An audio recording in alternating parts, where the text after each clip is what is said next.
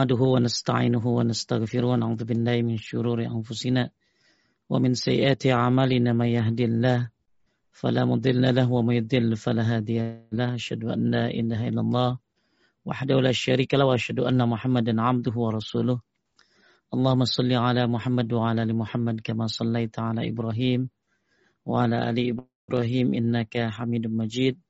اللهم بارك على محمد وعلى آل محمد kama barakta ala Ibrahim wa ala ali Ibrahim innaka Hamidum Majid. Bapak Ibu sekalian yang insya Allah kita semuanya selalu menyadari bahwa betapa pentingnya menuntut ilmu. Betapa pentingnya hati ini membutuhkan asupan. Karena ilmu adalah makanan dan minuman serta obat buat hati. Ketika hati tidak memiliki ilmu, maka hati akan mati. Dan perlu juga kita pahami bahwa tugas kita terlalu banyak, sedangkan waktu kita sangat mepet. Waktunya mepet, tapi tugas masih banyak. Maka itulah yang membuat kita harus segera memilah dan memilih apa aja yang terpenting. Kalau kita ketika punya suatu uh, waktu yang sangat pendek, kemudian kita tidak bisa memilah dan memilih, maka kita akan akan tentu uh, men, mendap, apa, kita akan mendapatkan kemaksimalan. Makanya, alhamdulillah, salah satu ilmu yang terpenting dan memang sangat penting adalah tauhid. Dan semoga Bapak Ibu istiqomah dalam menjalankan keutamaan menuntut ilmu ini khususnya ilmu tauhid. Sebagaimana yang dikatakan oleh Ibnu Taimiyah yang ada di running text mungkin ya. Semakin kuat tauhid dalam hati seorang hamba, semakin kuat pula keimanan, ketenangan, tawakal dan keyakinannya. Ya.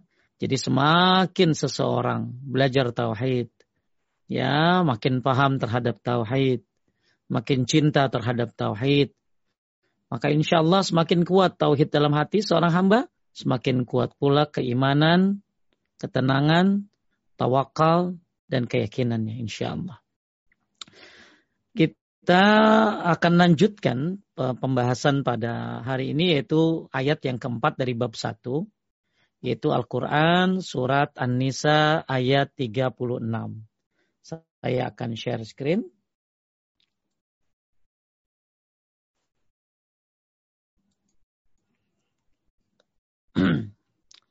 Kelihatan Kang Rashid? Kelihatan jelas Ustaz. Ya. Allah Subhanahu wa taala berfirman, kemarin kan kita di bab awal ya, kalau Bapak Ibu masih ingat kita bicara tentang untuk apa sih kita diciptakan oleh Allah Subhanahu wa taala. Ternyata kita diciptakan untuk ibadah. Ya. Kemudian juga kita sudah bahas ya ayat yang kedua bahwa kita diperintahkan untuk menyembah Allah dan menjauhi togut. Menjauhi togut. Sudah kita bahas juga. Bahwa semua para nabi itu mengatakan la ilaha illallah, mengajarkan la ilaha illallah. Ya. Kemudian di ayat ketiga pertemuan kita yang uh, minggu lalu adalah bagaimana orang yang bertauhid juga harus mencintai orang tuanya.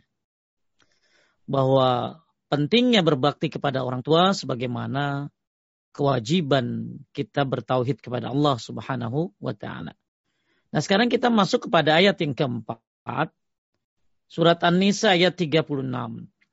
Wa'budullaha wa la tusyriku bihi syai'a.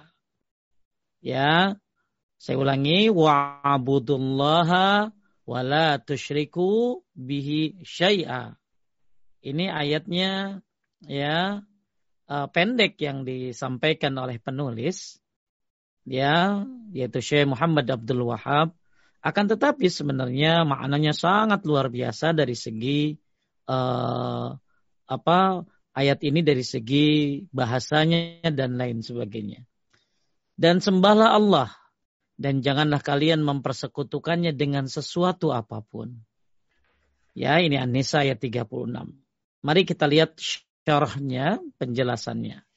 Boleh Kang Rashid dibantu? Boleh. Siap Ustaz. Penjelasan. Sisi pendalilannya pada ayat ini, Allah menggandengkan antara perintah beribadah kepadanya dengan perintah untuk meninggalkan seluruh bentuk kesyirikan kepadanya. Hal ini menunjukkan bahwa ibadah kepadanya tidaklah sah kecuali disertai meninggalkan segala bentuk kesyirikan kepadanya. Nah, ini penting untuk kita kita pahami. Di sini Allah menggandengkan kalau kemarin Kang Rashid masih ingat Allah menggandengkan hak Allah dengan orang tua, ya. ya. Nah, sekarang Allah menggandengkan perintah beribadah kepadanya dengan perintah meninggalkan seluruh bentuk kesyirikan.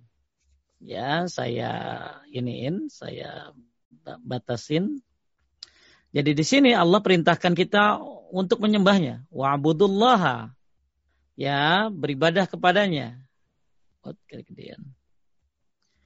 Tapi selanjutnya Allah juga memerintahkan kita untuk apa? Untuk meninggalkan segala bentuk kesyirikan. Kenapa hal ini menunjukkan bahwa ibadah kepadanya tidaklah sah kecuali disertai dengan meninggalkan segala bentuk kesyirikan kepadanya. Karena ada orang Kang ibadah terus maksiat jalan ya Kang, ada nggak? ya, ada. orang bilang namanya STMJ ya, sholat terus maksiat jalan gitu loh. Jadi perintah kepada uh, perintah Allah untuk ibadah. Yuk ibadah. Tapi juga jangan lupa tinggalkan larangan Allah. Tinggalkan apa yang dilarang oleh Allah. Ya, nah ini di ayat ini wa la tusyriku bi Sembah Allah dan jangan bersekutu, jangan bersyirik kepada Allah. Ya, lanjutkan. Hal ini uh, hak karena kesyirikan. Hal ini Oh, hal ini menunjukkan bahwa ibadah kepadanya tidak lasa kecuali disertai meninggalkan segala bentuk kesyirikan kepadanya. Karena kesyirikan merusak ibadah sebagaimana hadas membalas, membatalkan wudhu dan membatalkan sholat. Ya, ya, ini perbandingannya. Ya, jadi syirik ini ya kalau dia beramal banyak terus dia syirik ya Kang, maka hilang dah pahalanya kan. Hmm. Lau asyaraku lah anhum makan yamalun. Maka ini yang mau kita bahas ya. ya tentang masalah kesyirikan, ya, pengenalan kesyirikan. Pak, lanjutkan. Pada ayat ini, ya, pada ayat ini ada dua keumuman. Pertama, apa tadi? Kata saya, kata saya, sesuatu apa pun dalam ayat adalah kata nakiroh, tanwin. Dalam konteks larangan, mereka memberikan faidah keumuman sehingga mencakup seluruh sekutu, baik nabi, malaikat, jin, wali, batu, pohon, dan lain-lain. Masya Allah ya, bahasa Arab tuh ya, Kang. Bahasa hmm. Arab tuh dari segi huruf-hurufnya aja itu mengandung maksud ya. Masya Allah ya. Maka Al-Quran diturunkan dengan bahasa Arab. Makanya ya bagus banget kalau ada bapak ibu ikut kursus bahasa Arab. Ya, hmm. cuma biasanya waktu ke pertama kali kursus sih Kang, itu bisa lima puluhan tuh Kang. Ya. Begitu udah ada PR, udah ada ngapalin, berubah jadi 20, drastis tuh. Ya. Hmm. Kemudian ya udah berapa bulan dia tinggal lima nih ya.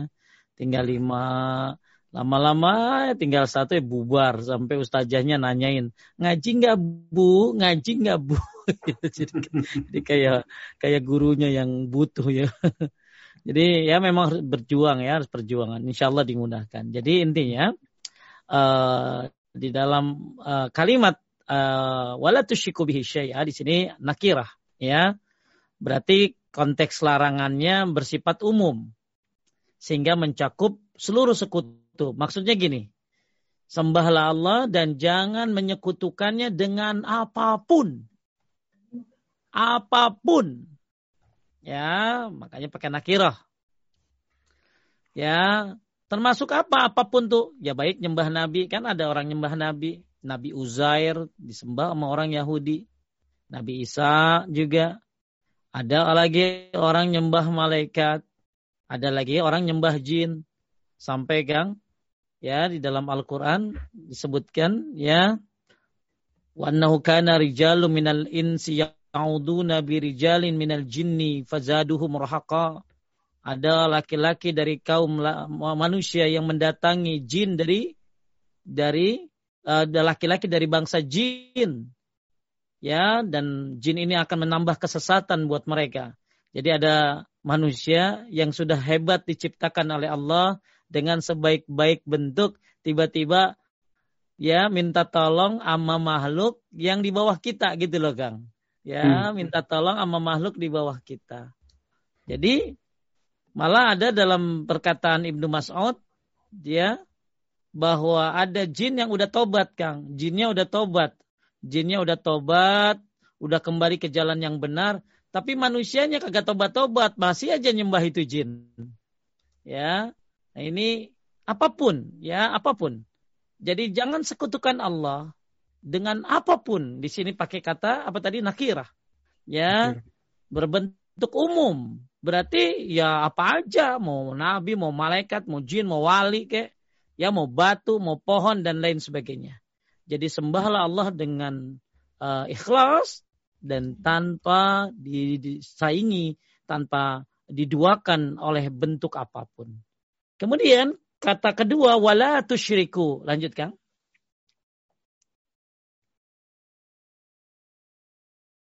Jangan kalian berbuat kesyirikan. Ada di anmut ini. Akang di unmute kali Kang. Masih dimatiin. Maaf. maaf, maaf. Jangan kalian berbuat kesyirikan. Dan dalam kaidah dalam kaidah bahwasanya fiil mengandung masdar dan zaman. Sehingga takdirnya janganlah kalian berbuat kesyirikan dengan kesyirikan apa pun. Dan karena masdar ini nakiroh dan datang dalam konteks kalimat larangan-larangan, maka memberikan faidah keumuman, yaitu janganlah kalian berbuat kesyirikan apa pun, baik syirik besar, kecil maupun kofti. Enggak kelihatan. Baik kofi baik, baik syirik dalam rububiyah atau uluhiyah atau asma wa sifat. Masya Allah, Bapak Ibu sekali menaikkan Allah. Ini ayat-ayat Qur'annya pantas orang-orang yang uh, pinter-pinter syair ya. Begitu dengar Al-Quran ya langsung jatuh dia, tunduk. Karena kata-kata ini ya bukan kata-kata manusia kan. Ini adalah kata-kata Allah. Ya. Maka di sini disebutkan bahwa di sini la tusyriku syai'a ya berarti maknanya adalah la tusyriku bihi isyraka. Jangan kalian berbuat syirik dengan kesyirikan apa pun. Jadi kan tadi dibilang yang pertama, jadi pada ayat ini ada dua ada dua keumuman. Yang pertama, yang pertama adalah bahwa jangan kalian uh, melakukan kesyirikan. Baik itu kesyirikan kepada mencakup umum, nabi, malaikat, jin, wali, dan batu dan lain-lain. Yang kedua, jangan kalian melakukan kesyirikan. Baik itu syirik besar ataupun itu syirik kecil. Baik itu syirik khafi yang tersembunyi, baik syirik dalam rububiyah, baik syirik dalam uluhiyah, baik syirik dalam asma wa sifat. Jadi ada kedua keumuman nih Kang ya. Keumuman yang pertama, pokoknya siapa pun nabi, wali, malaikat nggak boleh disembah, Allah nggak boleh disaingin. Yang kedua, ya kalau itu kan yang disembahnya ya Kang, yang disembahnya. Yang disembahnya ya kan orang, jin, ya malah malah ada yang parah kan ya, Kang. Bukan lagi jin tapi binatang, ada nggak Kang? Ada orang nyembah binatang? Ada. Ada, ada. ya. Udah, udah parah banget itu dah. Ya, sampai kotorannya diaduk-aduk, dibuat mandi, astagfirullah. Jadi, kata syai'a ini ada dua keumuman. Keumuman yang pertama adalah kepada siapa pun penyembahnya. Nggak boleh, hanya Allah saja. Ya, mau yang disembah A, B, C, D nggak boleh. Itu keumuman yang pertama. Keumuman yang kedua adalah bahwa kalau tadi kan yang disembahnya, nah sekarang perbuatannya. Pokoknya jangan syirik. Ya, jangan syirik. Baik itu syirik kecil, ataupun syirik besar, ataupun syirik khafi, baik rububiyah, uluhiyah, dan asma wa sifat. Ya, Masya Allah. Makanya ini yang akan saya coba uh, gali lebih dalam tentang masalah kesyirikan. Mudah-mudahan jamaah sabar ya, belajar tauhid ya, ya nggak tahu berapa puluh tahun. Pokoknya ya sampai mati ya kita akan terus belajar tauhid ya. Dan kita targetnya bukan hatam paham. Ya, bukan hatam paham. Tapi paham. Karena ada ibu-ibu kalau ngaji hatam demen banget. Maksudnya kalau ngaji kitab hatam demen banget. Padahal kagak paham. Maka yang saya harapkan adalah paham. Ya. Nah ini yang akan saya bahas lebih dalam yaitu surat An-Nisa ayat 36. Secara bahasa tadi sudah diterangkan ya, janganlah syirik kepada siapa pun ya. Yang kemudian yang kedua tinggalkan syirik syirik apa pun ya. Baik itu kecil ataupun besar. Baik kita, kenapa sih sangat-sangat ditekankan untuk meninggalkan kesyirikan? Ya, kita akan lihat bahaya-bahaya syirik. Apa aja sih Kang? Satu, lanjut Kang. Satu, syirik merupakan sebesar-besarnya kezoliman. Sesungguhnya syirik itu adalah kezoliman yang paling besar. Dalam Inna syirka ladulmun adim.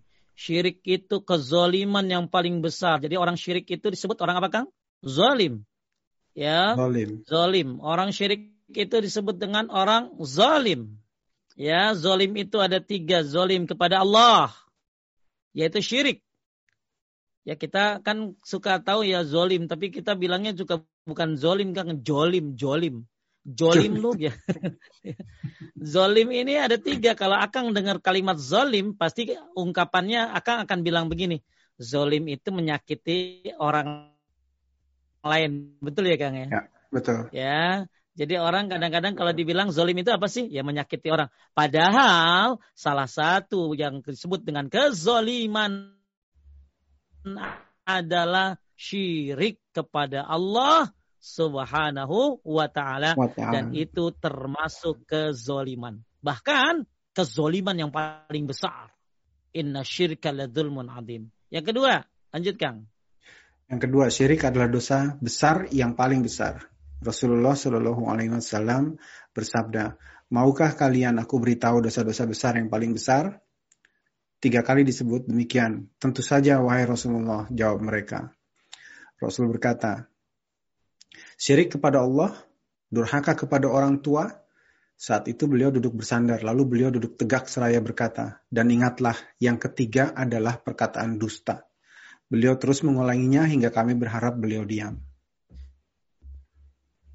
Ya, jadi Nabi bilang, Allah uh, maukah aku kasih tahu ya uh, apa akbarul kabair itu dosa besar paling besar.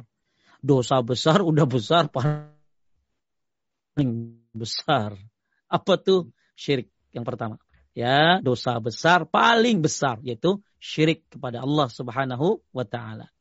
Kemudian yang kedua durhaka pada orang tua tiga berkata dusta. Maka kenapa kita jauhi syirik? Karena dosa paling besar, dosa besar paling besar. Ya, naudzubillah min. Ketiga, Kang. Ketiga, mendapatkan kerugian di akhirat. Sesungguhnya orang yang mempersekutukan Allah, maka pasti Allah mengharapkan kepadanya surga. Dan tempatnya ialah neraka. Tidaklah ada bagi orang-orang zolim itu seorang penolong pun. Masya Allah. Ya barang siapa yang mempersekutukan Allah. Haram Allah ilaihil jannah. Haram masuk surga. Orang syirik. Ya mudah-mudahan Mudah-mudahan udah ngerti. Pokoknya syirik itu menyekutukan Allah. Cuma soalnya ada yang nggak ngerti, Kang. Waktu saya lagi motokopi, ada tukang fotokopi bilang begini. Jadi saya lagi motokopi ini, judulnya bahaya-bahaya syirik. Itu tukang fotokopi bilang begini sama saya. Emang harus dibahas nih Tat sama ibu-ibu nih Tat. Kadang-kadang ibu-ibu tuh suka syirik sama orang. suka syirik sama orang gitu loh. Jadi si bapak ini kagak ngerti mana iri dengki, mana syirik, ya. Jadi saya jadi kepikir Kang, jangankan mereka tahu bahaya-bahaya syirik, mereka syirik aja kagak ngerti. Jangan-jangan mereka nyembah kuburan, kagak ngerti kalau itu syirik. Hmm. Ya ini tugas dakwah ini ya, dakwah. Maka alhamdulillah, alhamdulillah dengan bergulirnya dakwah sunnah ini ya, Alhamdulillah ya, saya dapat baca curhatan di Instagram, Kang. Itu mm-hmm. tukang parkir kuburan-kuburan keramat itu rada sepi katanya. ya, ya. Sepi job. Dia sepi job gitu ya, nggak ada lagi, udah jarang. Alhamdulillah, ya, alhamdulillah. Jadi siapa yang menyekutukan Allah, Allah haramkan kepadanya syurga. Ya, dan tempatnya ialah neraka wa ma'wahun nar wa madzalimin min ansar dan tidak ada seorang penolong pun buat orang-orang yang zalim itu. Ya. Jadi kembali lagi tadi jadi jangan-jangan ada orang melakukan kesyirikan tapi dia sangka itu baik gitu loh. Mungkin apakah udah sampai ilmunya gitu loh. Atau hmm. dia dibohongin gitu loh, dibohongin. Dibohongin gitu. Ya Allah, makanya alhamdulillah kalau orang mau menuntut ilmu ya. Kalau orang mau belajar alhamdulillah banget dah. Ya, hmm. maka belajar ini akan mengangkat kebodohannya, akan mengangkat derajatnya. Bahkan dia bisa sampai kepada derajat siddiqin dengan menuntut ilmu. Dengan ilmunya sampai Masya Allah. Ya, yang namanya uh, malaikat menaungi orang-orang yang menuntut ilmu bahkan kata Syekh Rabi al uh, al Madkhali beliau mengatakan bahwa uh, malaikat men menaungkan sayapnya buat para penuntut ilmu. Itu buat penuntut ilmu bukan buat yang haji Kang. Bukan buat yang umroh. Bukan buat orang yang sholat tapi buat orang yang menuntut ilmu. Ilmu. Ya maka apalagi ilmunya ilmu tauhid kayak begini. Hmm. ya Kemudian ada lagi di dalam Al-Quran surat Al-An'am ayat 93 disebutkan ada orang kang syarakot sakaratul mautnya dipukul kang. Ya. Nah, di dalam ayat itu diterangkan orang ini zalim. Walau tara idzid zalimuna fi ghamaratil maut wal malaikatu basitu aydihim akhriju anfusakum Al-yawma tudzawna azabal huni bima kuntum taquluna 'ala Allah wa kuntum an ayatihi tastakbirun. Jadi tahukah kalian ketika orang-orang yang zoli mengalami syakaratul maut sedangkan malaikat ya malaikat itu ngapain wal malaikatu basitu aidihim ada yang menyebutkan malaikat itu memukul eh, apa memukulkan tangannya sambil mengatakan akhriju anfusakum, keluarkan nyawamu. Nauzubillahi min dzalik. Mudah-mudahan Allah Subhanahu wa taala ya memberikan ampunan dosa kepada kita sebelum kita mengalami syakaratul maut dan kita sudah Amin. bertobat tentunya dan Amin. mati dalam keadaan bertauhid tentunya. Ya. Jadi Bapak Ibu sekalian menaikkan Allah, ini Al-An'am 93. Maka kenapa kita harus tinggalkan semua kesyirikan, baik syirik besar ataupun syirik kecil. Baik itu syirik yang kepada si A, si B, dari mulai dari syirik sama binatang sampai kepada kepada batu dan lain sebagainya. Kita harus tinggalkan dan hilangkan. Kenapa? Ya, karena kayak gini nih azabnya nih, kayak gini nih. Nauzubillahi min. Kemudian kita lihat yang keempat. Lanjut tidak mendapat keamanan dan tidak mendapatkan petunjuk. Orang-orang beriman dan tidak mencampur adukan iman mereka dengan kezaliman syirik atau kesirik, mereka itulah orang-orang yang mendapatkan keamanan, keama, keamanan dan mereka adalah orang-orang yang mendapat petunjuk. Bapak Ibu sekalian muliakan Allah, kita berharap penuh keamanan sekarang ini ya, betul ya Kang? Ya. Akang udah mulai sholat Jumat ya di ya. London ya. Alhamdulillah tapi masih was-was aja kan kan ya. Uh, di sini juga sama ada yang udah merah ada yang udah hijau wallahu alam. Kita butuh keamanan. Ya tapi masalahnya keamanan kita sampai mana sih? Hmm. ya password HP aja sering lupa. Ya kita bisa kita mengamankan diri dari yang gede aja nggak bisa. Apalagi dari yang kecil-kecil kayak begini kayak virus maka hmm. kita berharap butuh keamanan baik di dunia ataupun di akhirat. Maka keamanan ini bisa kita raih dengan cara apa? Bertauhidlah kepada Allah dan jangan kau campur adukan tauhidmu dengan kesyirikan. Karena ada orang satu sisi dia kayaknya bertauhid, ya sering baca la ilaha illallah, ya bahkan bajunya pun la ilaha illallah, ya bahkan wah apa aja la ilaha illallah statusnya aja Allah lagi Allah terus Allah mulu ya semuanya Allah Allah Allah tapi kedukun member ya tapi begitu nabrak kucing langsung ketakutan takut sial takut ini dapat WA, sebarkan kepada 10 orang. Kalau tidak, maka akan celaka. Dia ketakutan, dia sebarin juga itu WA. Ya, betapa banyak orang-orang yang mengatakan Allah Rabbku, Allah Rabbku. Akan tetapi dia juga menyekutukan Allah dengan selainnya. Alladzina amanu wa lam yalbisu imanahum bidzulmin ulaika lahumul amnu wa hum muhtadun. Mereka orang-orang yang beriman dan tidak mencampur adukan. Imannya nggak diaduk, imannya nggak diaduk, imannya pure murni, imannya suci.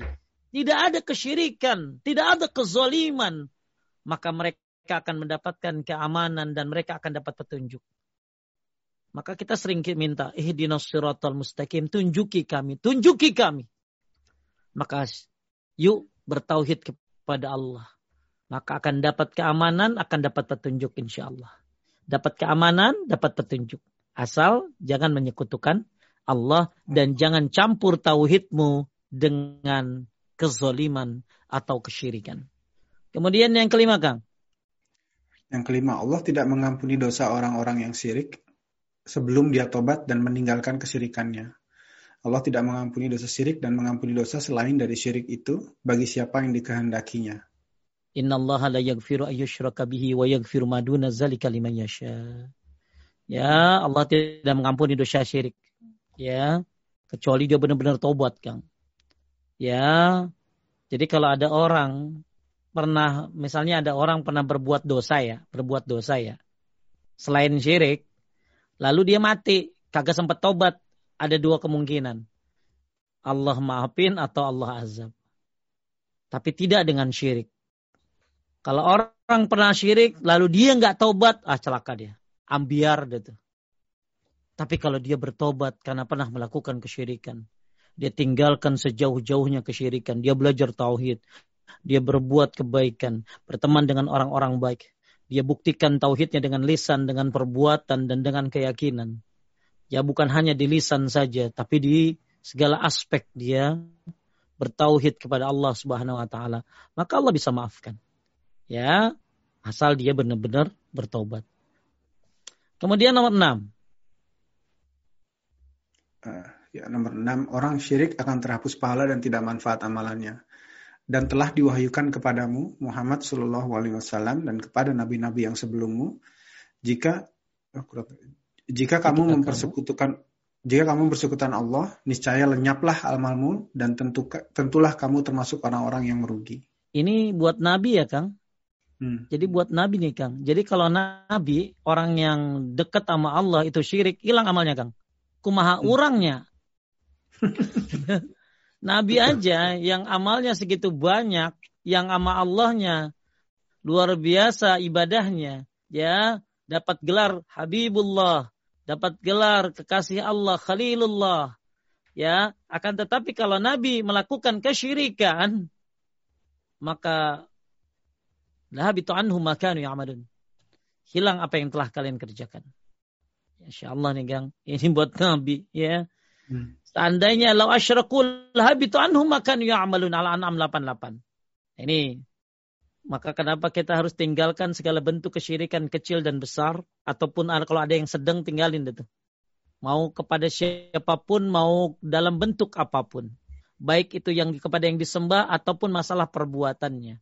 Baik besar ataupun kecil tinggalkan. Nah ini bahayanya efeknya. Astagfirullah wa atubu Bertobatlah kita kepada Allah subhanahu wa ta'ala. Jangan sampai kita mati belum tobat dari kesyirikan. Belum tobat. Ya, dari pernah menyekutukan Allah Subhanahu wa taala. Maka Nabi saja bisa hapus amalnya. Gimana kita? Kemudian yang ketujuh. Tujuh, tidak akan mengalami ketenangan hidup, takut dan cemas.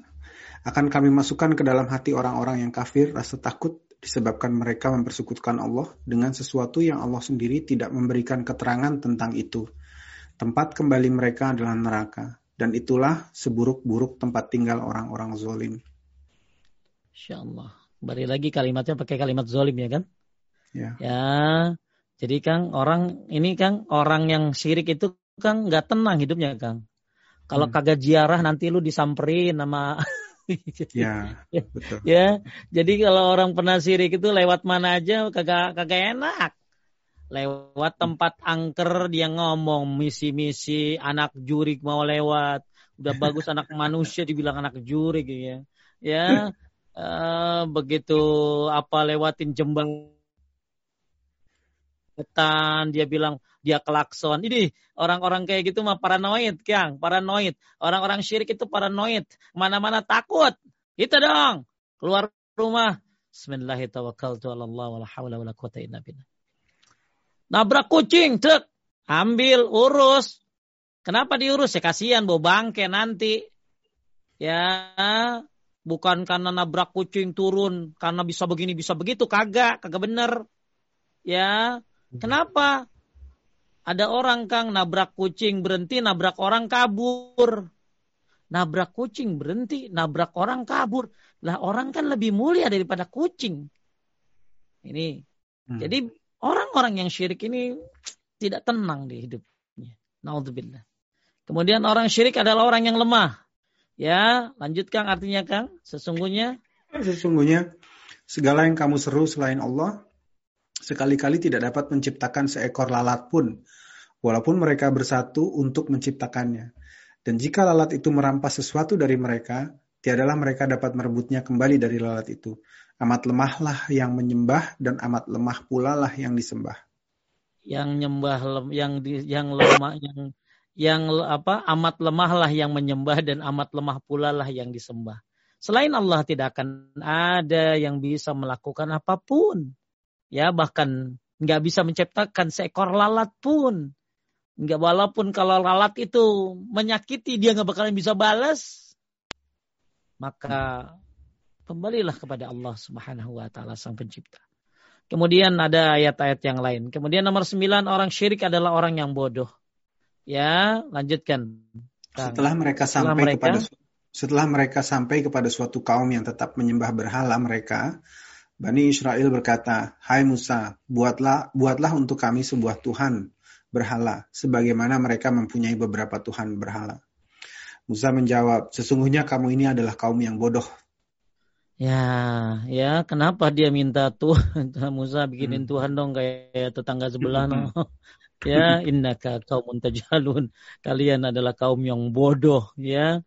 Bodoh terhadap apa? Sifat-sifat Allah. Nah, emang Allah emang Allah dari dari makanan apa ya naudzubillah. Ini kenapa dia bisa syirik bodoh?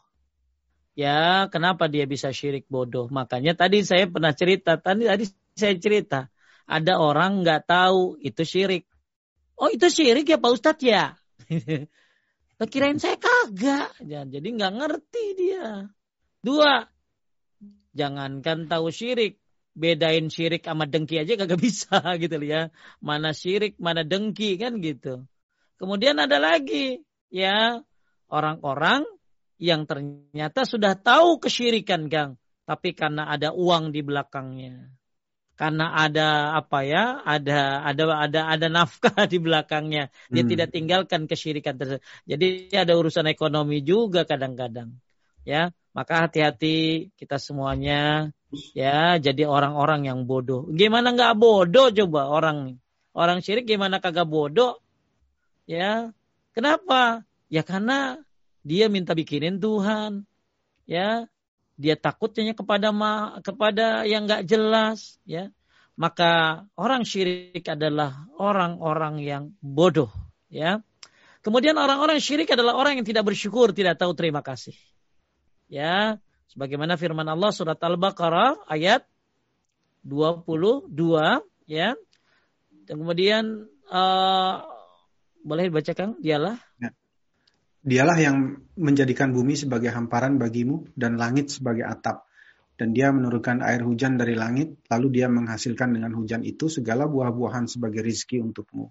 Karena itu janganlah kamu mengadakan sekutu-sekutu bagi Allah, padahal kamu mengetahui. Jawab Kang, ini menurut Akang negeri apa ini Kang?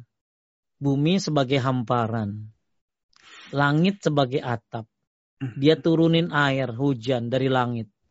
Dengan air itu menghasilkan buah-buahan sebagai rezeki. Di sini Allah sebutkan nikmat nih ya. Allah sebutkan nikmat. Kemudian akhirnya Allah bilang, ya janganlah kamu mengadakan sekutu bagi Allah padahal kamu tidak mengetahui. Makanya orang syirik nggak bersyukur sama Allah. Allah sudah kasih sama para nelayan ikan banyak banget. Lah dia thank you-nya sama Kidul. ya, udah Allah kasih padi menguning ya. Uh banyak lah kenapa yang disyukurinnya Dewi Sri. Ya. Hmm. Allah sudah kasih ya bumi kita apalagi dah ya bumi Indonesia mah luar biasa dah ya bawa tongkat lempar jadi dari apa? Jadi pohon. Kalau kita bawa ke Arab tuh pohon bisa jadi tongkat. Luar biasa air ya. Uh saking banyaknya air mah banjir ya. Luar biasa Indonesia ini. Nikmat alamnya ya. Dingin kagak dingin banget ya. Ini bukan yang di London supaya pulang ya, kagak, bandingin doang. bandingin doang. Ya, ya, ya, maghrib isa normal ya, maghrib isa normal, enak kan ya di London mah kagak normal. ya, ya, iya ya. betul.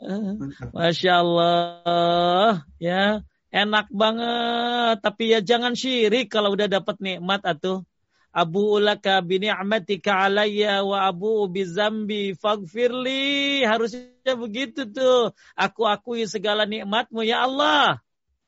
Aku akui segala nikmatmu.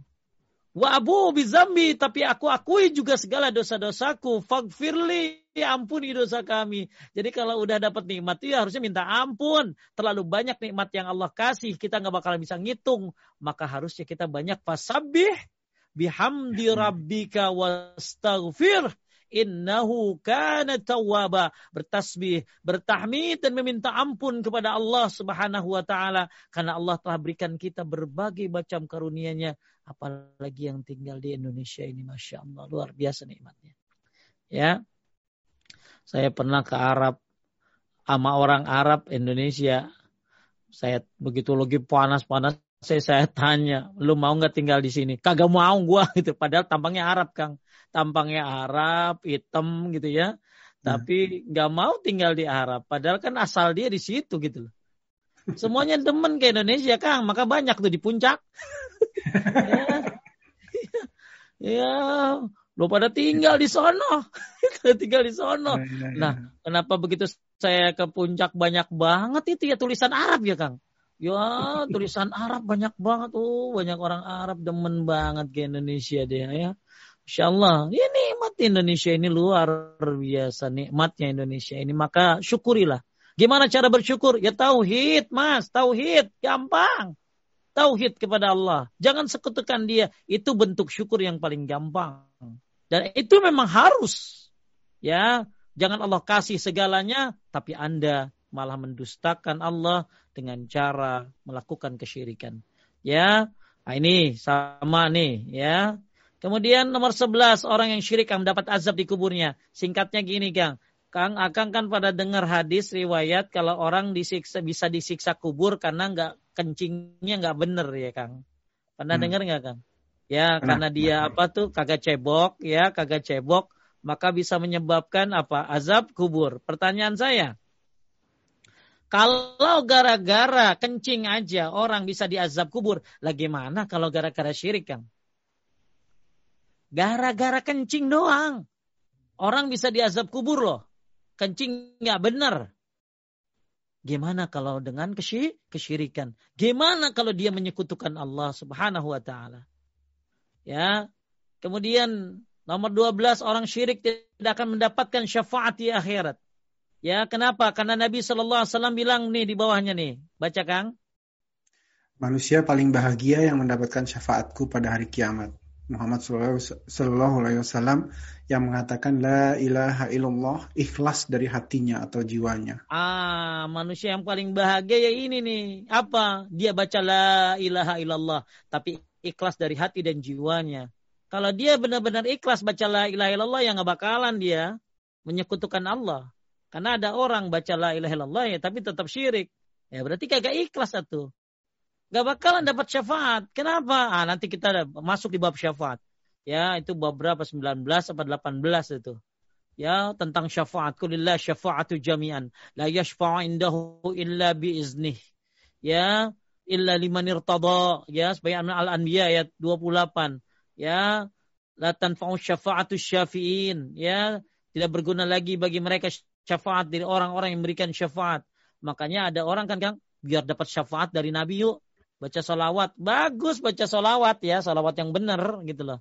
Hmm. tapi satu sisi ada orang sibuk baca salawat kepada Nabi salawat yang yang yang mudah-mudahan yang benar salawatnya tapi satu sisi dia menyekutukan Allah gimana tuh? Hmm. dia membaca salawat tapi dia menyekutukan Allah. Dia memuji nabinya tapi dia menyekutukan penciptanya. Kumaha itu? Ya? Hmm. Kemudian yang ke-13, orang-orang yang syirik tidak akan masuk ke dalam surga. Ya. Uh, ya, ini hunafalillahi wal musyrikin wa man yusyrik billahi faqad kharra minas sama fatahtu futair atau tahwi birrih fi makanin sahih. Uh, ini ini ini yang uh, maaf ini yang ke-14 sebenarnya ya. Balik. Baik, barang siapa? Barang siapa yang mempersekutukan sesuatu dengan Allah, maka ia seolah-olah jatuh dari langit lalu disambar oleh burung atau diterbangkan angin ke tempat yang jauh. Jadi kalau orang syirik tuh kan kayak jatuh hmm. dari langit. Hmm. Terus disambar burung. Lalu hmm. diterbangkan angin ke tempat yang jauh. Gimana derajatnya tuh Kang? Ya. ya, manusia ini kan laqad khalaqnal insana fi ahsani takwim.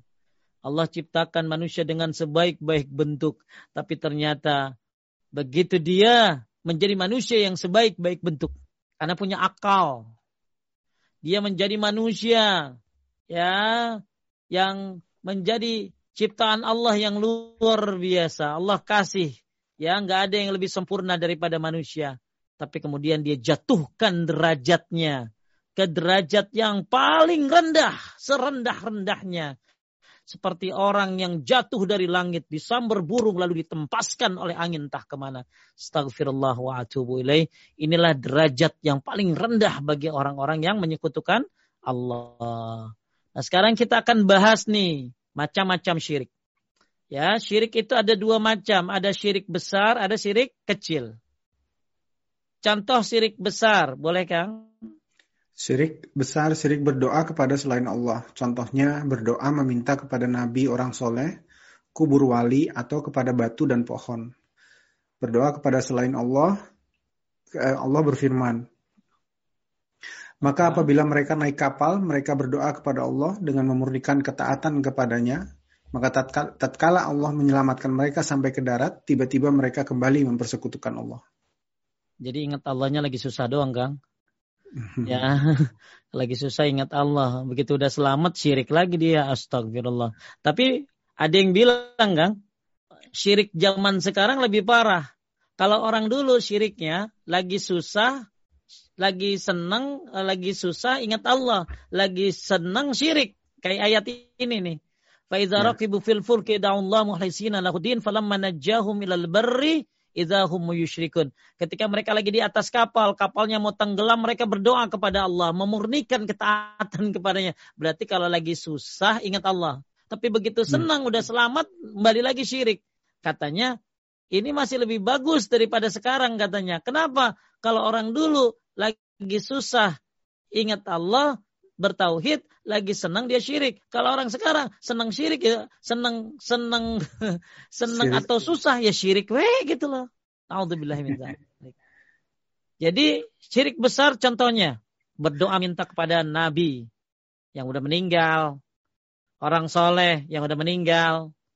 Ya, kalau ada orang soleh minta, Pak doain saya Pak, ya boleh nggak apa-apa. Tapi kalau orang mati ya jangan dia aja lagi bingung, ya kubur wali atau pada batu dan pohon. Berdoa ah ini berdasarkan ini. Ini uh, syirik uh, apa tadi? Syirik besar ya. Kemudian lanjut syirik besar contohnya. Lanjut Kang. Syirik dalam niat dan tujuan yaitu berniat menunjukkan ibadah kepada selain Allah. Contohnya menyembelih kurban ditujukan untuk jin penunggu pohon atau jembatan. Ada nggak Kang? Ada kayaknya Ustaz. Saya nggak tahu. Akang udah lama nggak denger Indonesia sih ya. ya, ya, ada orang bikin jembatan pakai pala sapi. Oh gitu. Naruh pala sapi, iya, biar kagak ada kecelakaan. Ya, begitu ada jembatan kagak pakai kepala sapi, langsung kejadian. Akhirnya tuh kan, bener kan? Nah ini ya, orang akhirnya menghubung-hubungkan. Setan akhirnya mengajak perasaannya. Zalikum dannakum alladhi danantum bi rabbikum ardakum fasbahtum minal khasirin. Hati-hati ya, perasaan tuh ya. Jadi syirik besar pertama kita akan bahas pelan-pelan ya. Contoh syirik besar nih. Hati-hati nih ya. Syirik ada syirik besar, ada syirik kecil. Syirik besar ya berdoa kepada selain Allah. Kemudian contoh syirik besar juga syirik dalam niat dan tujuan. Apa contohnya tadi? Kurban tapi buat penunggu jin. Ya penunggu pohon atau jembatan ya. Oh banyak ini maka gambarnya Kang. Ya bisa dilihat hmm. itu. Gambar-gambar. Malah saya pernah sama tim bikin uh, kesyirikan yang ada di laut ya. Wah itu luar biasa ya luar biasa. Hmm. ya ini sebagaimana firman Allah Subhanahu wa taala mengkani yuridul hayatad dunya wa zinatan wa fi ilaihim a'malahum fiha wa hum fiha la yubkhasun ulaika alladziina laysa lahum fil akhirati illa an-nar wa habita ma sana'u fiha batirun ma kanu ya'malun. Artinya Kang? Barang siapa menghendaki kehidupan dunia dan perhiasannya, niscaya kami berikan kepada mereka balasan pekerjaan mereka di dunia dengan sempurna dan mereka di dunia itu tidak akan dirugikan. Itulah orang-orang yang tidak memperoleh di akhirat kecuali neraka dan lenyaplah di akhirat itu apa yang telah mereka usahakan di dunia dan sia-sialah apa yang telah mereka kerjakan. Astagfirullah wa oh. Ya, kemudian syirik dalam ketaatan. Ya, yaitu ya. menjadikan selain Allah sebagai pembuat syariat dan ia patuh serta ridho menjalankannya. Contohnya meyakini seorang orang yang merubah merubah syariat dan harus dipatuhi. Ya, jadi ada syirik dalam ketaatan, Kang. Ya, nah ini hmm. ada pembahasannya tentang nanti tentang mahabbah, tentang mahabbah. Maka uh, ada orang ya yang uh, apa uh, apa membuat syariat-syariat yang baru ya. Dan orang ini uh, meyakini seorang merubah syariat Allah dan harus dipatuhi. Ini nggak boleh ya. Syirik hmm. dalam ketaatan. Pokoknya ustadz salah ya jangan diikutin. Gitu loh. Kalau ustadz bener mah semuanya ya kagak kan manusia namanya juga kadang salah dalam berpendapat, kadang salah dalam berijtihad, kadang salah dalam satu huruf atau patah dan lain sebagainya. Ya, tapi ketika itu masih dimaklumin manusia, ya. Tapi kalau ada ustadz ngajakin nyembah sama yang mati, minta sama kuburan, ya, ber, uh, apa bertawasul dengan yang mati dan lain sebagainya, maka hati-hati ini jangan ditaatin ya sampai insya Allah pembahasan kita nanti pada syirik dalam ketaatan. Ya hati-hati syirik dalam ketaatan. Ya udah tahu itu salah tapi masih diikutin aja Kang. Ya hmm. udah tahu itu haram tapi kan uh, tapi tetap we ya padahal Allah dan Al-Quran dan Sunnah-Sunnah menyatakan haramnya. Tapi ternyata karena si Fulan bilang nggak apa-apa, eh pada ngikutin nggak apa-apa. Ini syirik dalam ketaatan namanya. Ya, Kemudian syirik dalam cinta lanjutkan. Uh, yaitu cinta kepada sesuatu sebagaimana cintanya kepada Allah bahkan mengalahkannya. Contohnya cinta kepada sesembahannya sebagaimana cinta kepada Allah. Ah, ini termasuk syirik-syirik besar ya bang. Ittahuzu ahbarum rabbana arbaba min dunillah wal masih ibn Maryam wa umiru illa liya'budu ilahan wahidan la ilaha illa huwa subhanahu amma yusyrikun. Ini syirik dalam mahabbah ya. Dalam firman-Nya surat Al-Baqarah ayat 165 minan nas may yattakhizu min dunillahi andadan yuhibbunahum ka hubbillah dan di antara manusia ada yang mengangkat tandingan-tandingan selain Allah di mana mereka mencintai tandingan itu seperti cintanya ke kepada Allah. Jadi ada orang Kang cinta Allah 100% itu harus. Mudah-mudahan kita. Ada hmm. lagi cinta Allah 50-50 Kang sama sesembahannya yang lain. Ya, hmm. ada lagi cinta Allah 75 25 persen, cinta sama sesembahan yang lain 75. Bahkan yang terakhir, ya Allah sudah dia tidak cintai, dia hanya cinta kepada selainnya. Naudzubillah. Nah ini ada di pembahasan. Ini semua pembahasan global tentang syirik yang akan kita bahas nanti sedikit demi sedikit satu persatu dan mudah-mudahan kita sabar dalam mempelajarinya insya Allah. Kemudian ini syirik besar ya, ini syirik besar. Kemudian syirik kecil dibagi dua. Lanjutkan. A. Syirik kecil ya. Syirik zahir yaitu yang yaitu yang nampak berupa ucapan dan perbuatan. Contohnya bersumpah dengan nama selain Allah. Rasulullah Shallallahu Alaihi Wasallam bersabda, Barang siapa bersumpah dengan selain nama Allah, maka ia telah berbuat kufur atau syirik. Maksudnya syirik di sini syirik apa Kang? Syirik kecil. Ya. ya. Demi cintaku padamu nggak boleh pakai gitu-gitu. Ya. Kalau cinta mau kasih duit aja nggak usah pakai demi cintamu demi cintamu. Kalau sumpah hmm. mah ya demi Allah. Ya demi Allah. Ya demi Allah. Wallahi. Wallahi. Ya. Nah ini syirik kecil ya. Terbagi dua. Secara satu yang zohir yang nampak berupa ucapan dan perbuatan. Contohnya bersumpah dengan nama selain Allah ya. Malah kata Ibnu Mas'ud lebih baik aku bersumpah lebih baik aku bersumpah dengan nama Allah tapi bohong daripada bersumpah dengan nama selain Allah. Coba bisa bedain Kang? Bersumpah dengan nama Allah tapi bohong daripada bersumpah dengan nama selain Allah benar. Hmm. Kalau bersumpah dengan nama Allah bohong, ya demi Allah, saya belinya di sono 300 ribu, modal saya segini, bohong, udah bilang pakai demi Allah, maka hukumannya puasa tiga hari berturut-turut atau ngasih makan atau uh, ngasih pakaian buat uh, eh, 10 orang ya kalau orang bersumpah dengan nama Allah tapi bohong. Tapi kalau orang bersumpah dengan nama selain Allah itu syirik Kang. Makanya kata Ibnu Mas'ud, ya, aku lebih baik bersumpah dengan nama Allah tapi bohong daripada bersumpah dengan nama Allah eh dengan nama selain Allah tapi benar. Karena kalau bersumpah dengan nama selain Allah jatuhnya syirik, ya, jatuhnya syirik. Ya. Kemudian Rasulullah sallallahu alaihi wasallam bersabda man khalafa bi ghairillah faqad kafar aw asyrak. Barang siapa yang bersumpah dengan nama Allah maka ia telah berbuat kufur dan atau syirik. Kemudian makai jimat, ya, makai jimat. Ya, boleh kan? Ya. Jika beranggapan jimat sebagai penyerta saja yang menolak bahaya dan yang menolak bahaya adalah Allah, maka ini syirik kecil. Tetapi jika berkeyakinan jimat inilah yang memberi keamanan, maka ini syirik besar. Rasulullah Shallallahu Alaihi Wasallam bersabda, barang siapa yang menggantungkan tamimah, jimat, maka ia telah berbuat syirik. tamimah? Man tamimatan faqad asyarak. Jadi, misalnya gini Kang, bilang gini, uh, uh, apa saya selamat tadi tuh ya alhamdulillah. Pakai alhamdulillah lagi kadang-kadang orang kita mah ya. Alhamdulillah tadi selamat saya. Nih alhamdulillah gara-gara pakai cincin ini Allah selamatin saya. Jadi dia masih ada Allahnya Kang. Masih ke Allahnya. Cuma lewat cincin ini gitu loh. Hmm. ya uh, gara-gara pakai cincin ini ya uh, saya akhirnya ya. Jadi dia berkeyakinan jimat inilah pemberi keamanan ya. Jadi gini kalau jimat ini hanya sebagai penyerta, maka itu syirik kecil. Alhamdulillah Allah selamatin saya.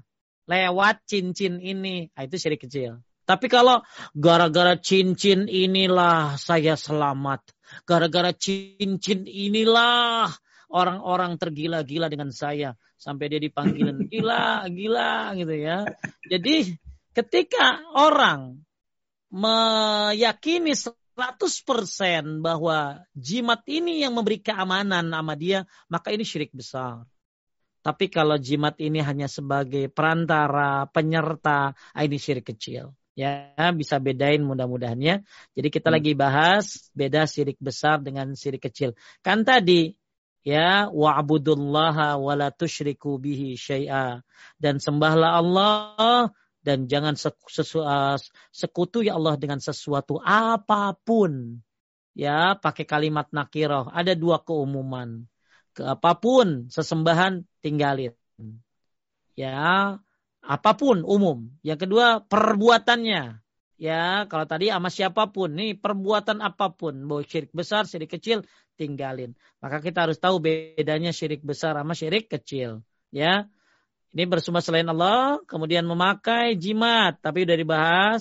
Kemudian perkataan atas kehendak Allah dan kehendakmu. Seharusnya kehendak Allah kemudian kehendakmu. Ini Kang, kata-kata bisa hmm. ini nih Kang.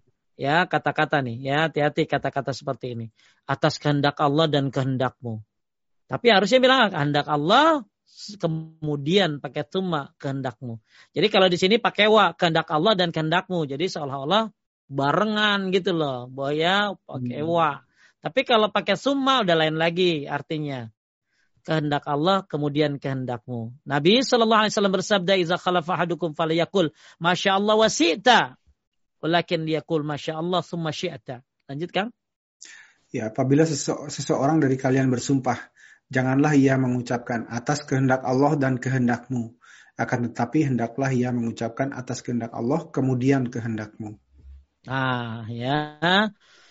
Jangan uh, pokoknya atas kehendak Allah kemudian kehendakmu ya. Jangan tadi apa tadi? Jangan atas kehendak Allah dan kehendakmu. Jangan, tapi pakai summa ya, summa sita. Beda peletakannya ya, makanya uh, ini termasuk syirik kecil. Kemudian beranggapan sial, apa Kang contohnya? Ya, misalnya angka 13 adalah angka sial. Ah, tahu di sana ya. di London berlaku nggak? Ada yang juga percaya Ustaz. Ah, gitu ya. Banyak. Uh, banyak ya. Lanjut. Rasulullah Rasulullah Shallallahu Alaihi Wasallam bersabda, tidak ada penyakit menular dengan sendirinya dan tidak ada anggapan sial. Ya, nggak ada ke-13 angka 4. Kadang-kadang perumahan teh Kang, ya perumahan itu kadang-kadang teh makanya teh apa? Ya kayak begini loh. Rumah apa? Misalnya perumahan satu, perumahan dua, perumahan tiga, perumahan lima langsung kagak pakai empat. Ya, hmm. karena apa? Oh, kalau angka empat tuh bawa sial katanya. Banyak hmm. model-model kayak begitu Kang ya. Apalagi hmm. ya mungkin Akang pernah tahu apalagi contohnya yang lain Kang? Jadi Misalnya angka 13, angka 13 iya. siang. Sok naon deui ya. di bawah di bawah apa tangga nggak boleh kucing hitam lewat segala macam. Banyak kadang-kadang orang tua suka ngomong macam-macam iya. ya. Ya, jangan depan pintu. Ya, ngapa mah ngalangin sih ya. Itu ngalangin bener ya. Ya. ya. ya. Jadi kadang-kadang ada anggapan nah tadi ya kirimkan WA ini kepada 10 orang. Maka akan sih kalau enggak akan sial. Contohnya si itu tuh celaka mati. Ya, itu nah itu namanya tatayur. Nanti ada bahasannya ya. Jadi nah ini siri kecil termasuk ya. Kalau nabrak kucing bisa sial, apa ge di bawah sial ya. Kalau ini bisa sial, bisa sial ya. Nah ini anggapan-anggapan seperti ini termasuk syirik kecil ya. Kemudian rukyah syirkiyah. Nah, rukyah nih, apa rukyah yaitu mantra-mantra selain Quran dan hadis yang diyakini bisa menolak bahaya Rasulullah SAW bersabda, "I'ridu alayya ruqakum la ba'sa birruqa ma lam yakun fihi syirkun." Tunjukkanlah kepada rukyah kalian. Tidaklah mengapa rukyah yang di dalamnya tidak mengandung apa tadi? Kesyirikan. Jadi hmm. kalau rukyah ya jangan jangan pakai macam-macam, pakai Quran sunnah ya.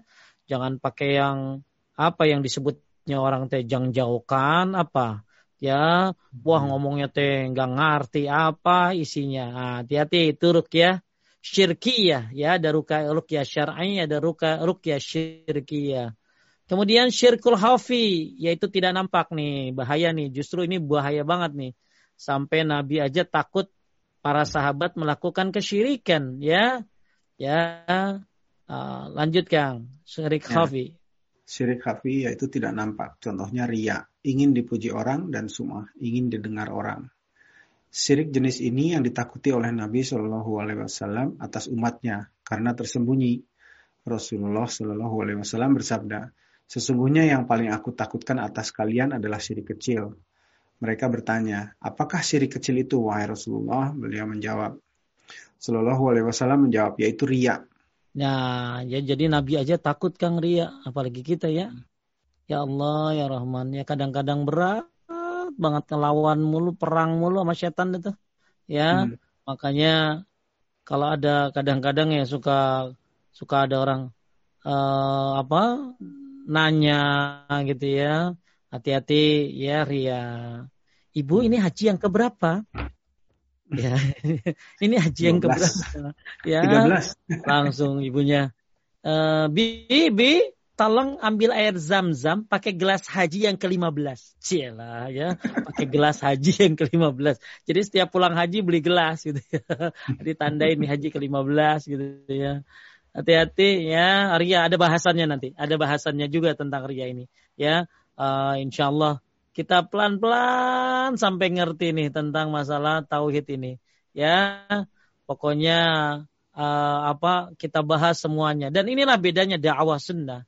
Kadang-kadang gini, ada orang bilang itu syirik, itu syirik. Nah, dia nerangin nggak kesyirikan sampai sedetail-detailnya. Inilah dakwah sunnah. Ya, menerangkan tentang kesyirikan sampai sedetail-detailnya.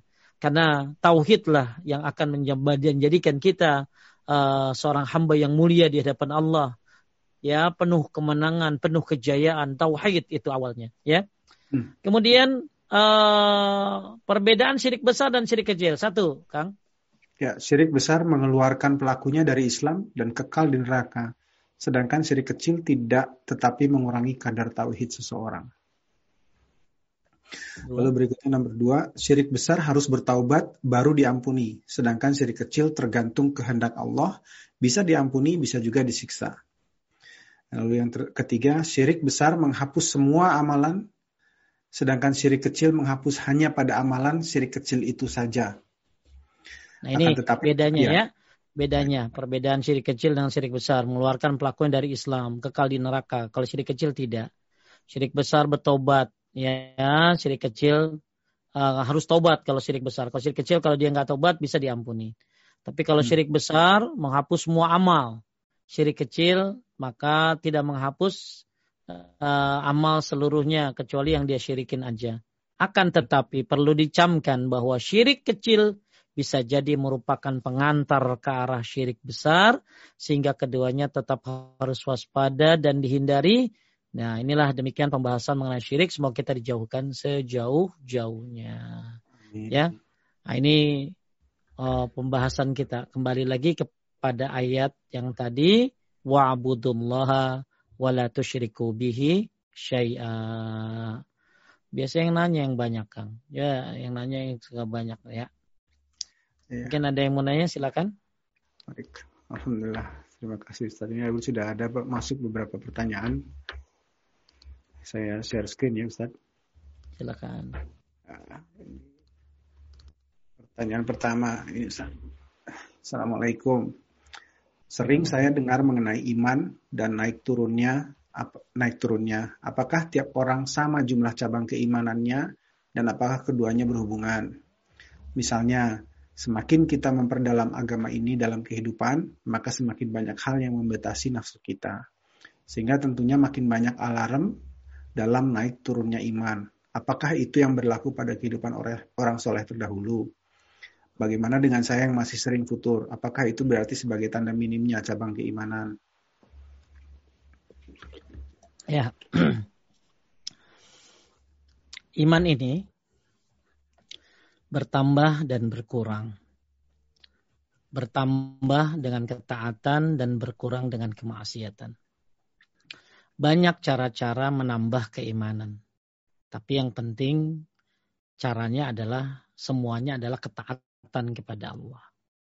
Dan tauhid, nah ini tauhid ini masya Allah. Kan tadi dibilangin, alladzina amanu walam yalbisu imanahum bidulmin, ulaika lahumul amnu wa muhtadun. Orang-orang beriman dan tidak mencampur adukan imannya dengan kesyirikan, maka dia akan dapat keamanan, akan dapat petunjuk. Jadi makin insya Allah makin tauhidmu bagus, makin kau memiliki iman yang kuat.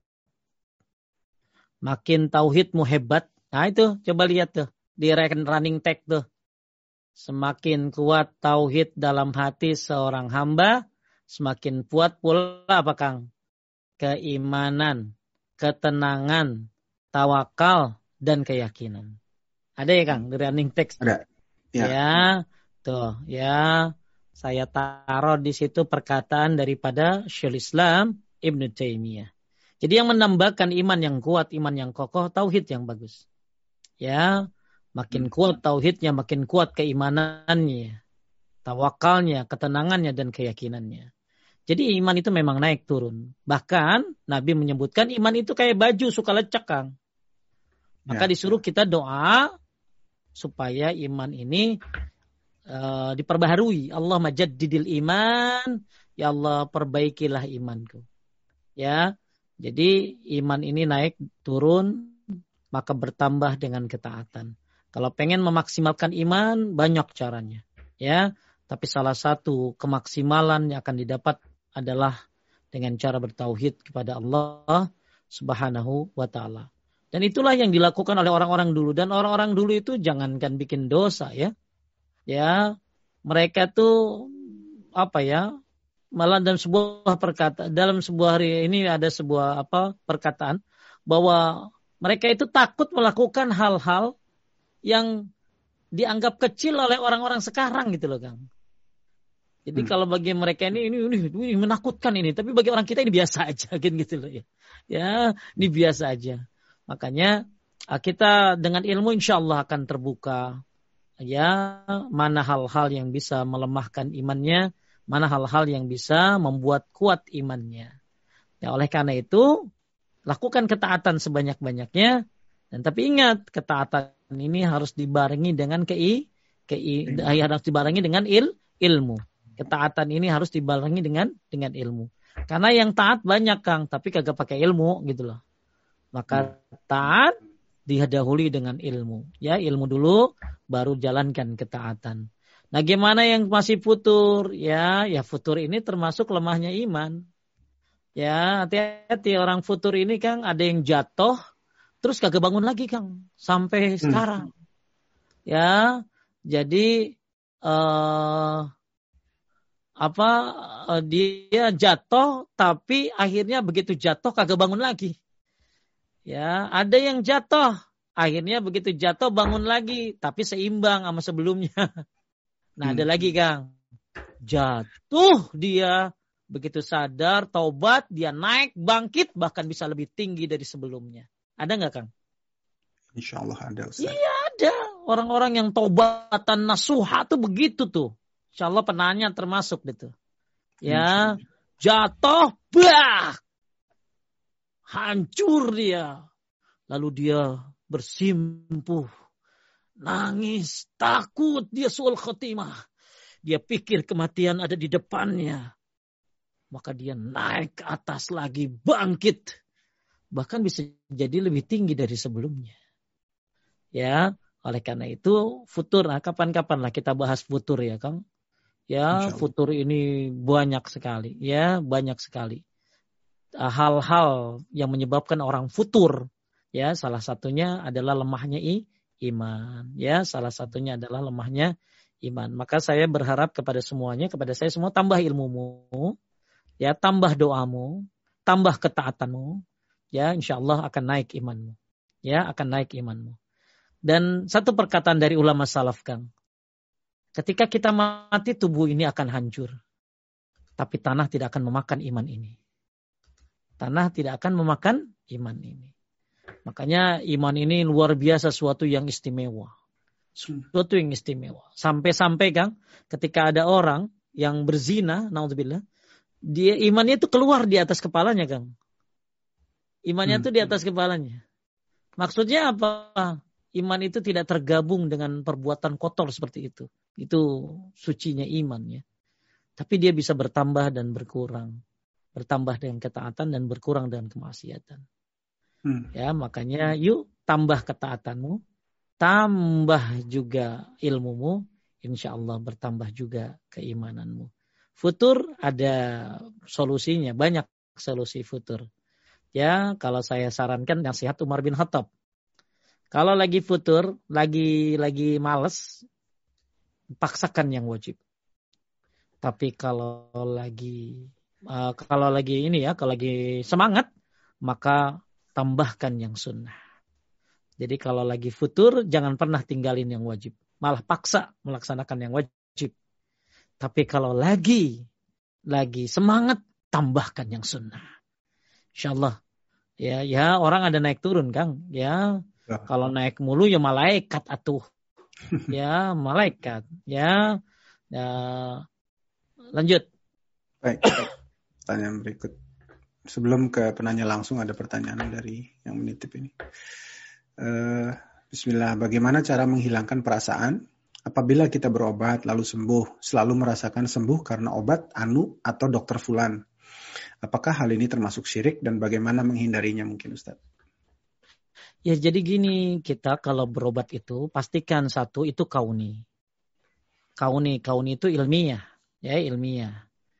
Ilmiah dokter, herbal, atau syar'i. Syar'i ini ada tuntunannya bekam, habatus sauda. Ada tukang bekam di di London, Mang? Ada. Ada. Oh, keren. Udah sampai sana tuh tukang orang, bekam. Orang Indonesia, Ustaz.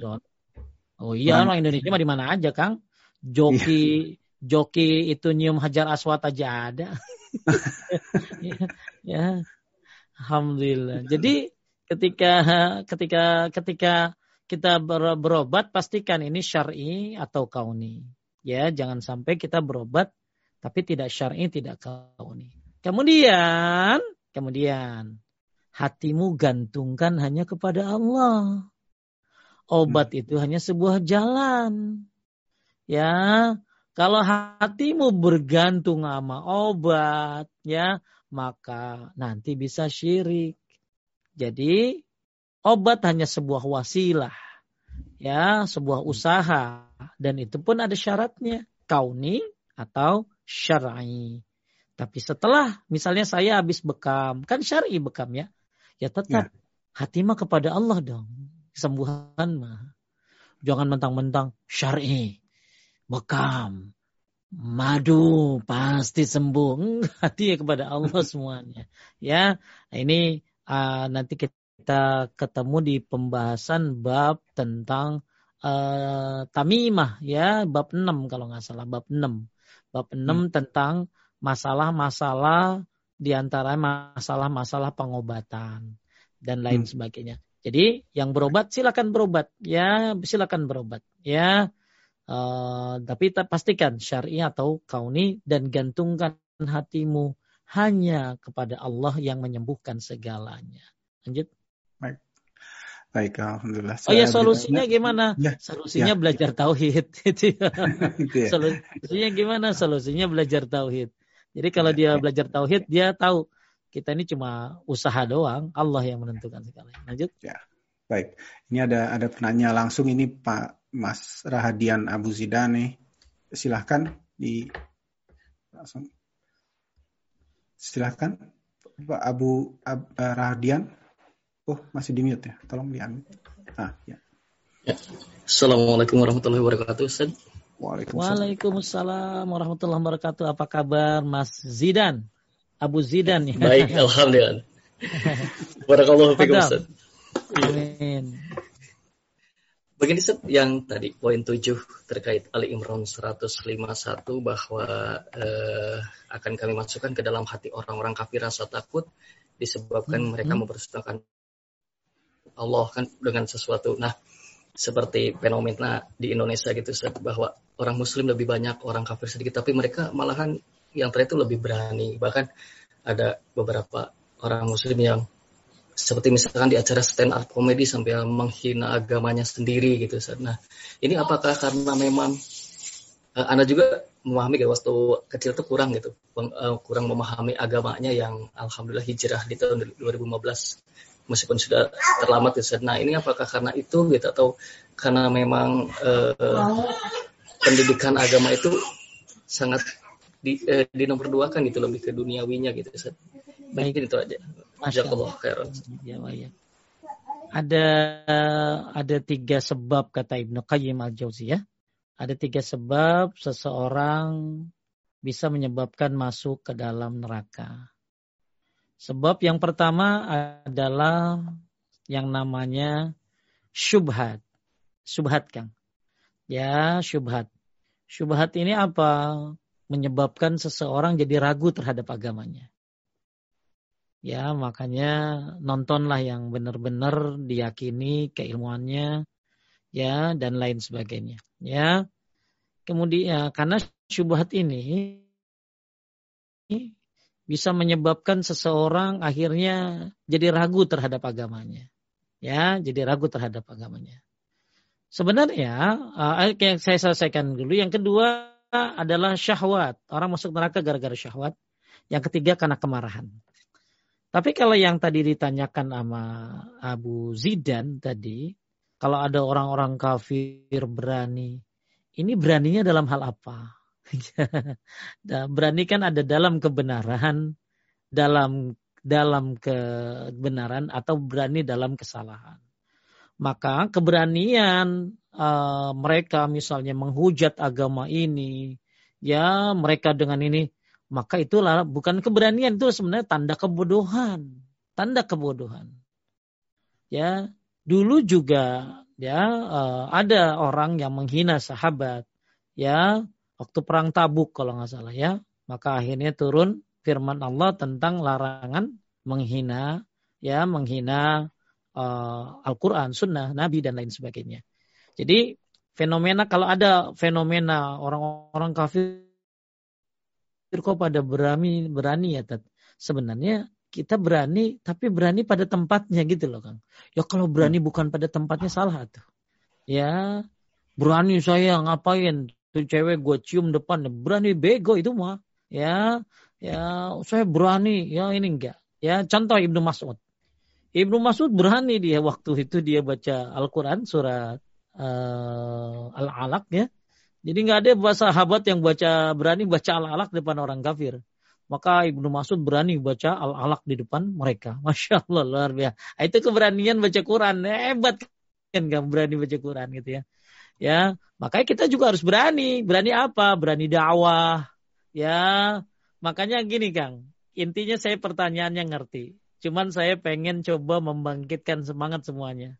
Saya tanya Kang, orang hmm. kafir hmm. semangat nggak Kang dakwahnya? Semangat. Orang kafir dakwah semangat nggak? Semangat. Oke, okay. ya. Lanjut. Orang liberal semangat nggak, Kang? Orang-orang liberal, semangat. Kang.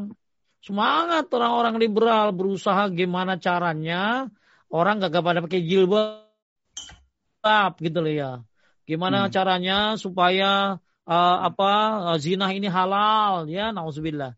Bagaimana caranya banyak lah semangat. Terus orang Syiah semangat nggak dakwah Kang? Semangat. Ya, semangat. semangat semua, semua aliran-aliran sesat semangat semuanya. Apa tujuan saya ngasih tahu ini? Mereka tuh semangat tapi bukan pada tempatnya dan bukan pada kebenaran. Kita yang insya Allah jelas sebenarnya, jelas tuntunannya, jelas syariatnya, jelas manhajnya. Kenapa tidak lebih semangat dari mereka? Tapi kita hmm. harus semangat pada tempat yang jelas ya bukan semangat menghina menghina agama lain. Ya, enggak lah, ada ada ada ininya loh Kang. Ya, kita menghina mereka, mereka menghina Tuhan kita, betul nggak Kang? Ya, ya, maka ketika kita semangat ya, maka ada ada ada batasannya. Semangat ini apa? Semangat jihad, ya, hmm. semangat untuk melawan hawa nafsu. Makanya kan jihad dibagi jawan jihad jihad menuntut ilmu jihad melawan nafsu, jihad uh, melawan syaitan, jihad melawan orang-orang kafir, jihad melawan orang-orang munafik. Jadi keberanian ini ada pada tempatnya dan bukan sembarangan kita mengeluarkannya dan tentu pada kebaikan dan kebenaran.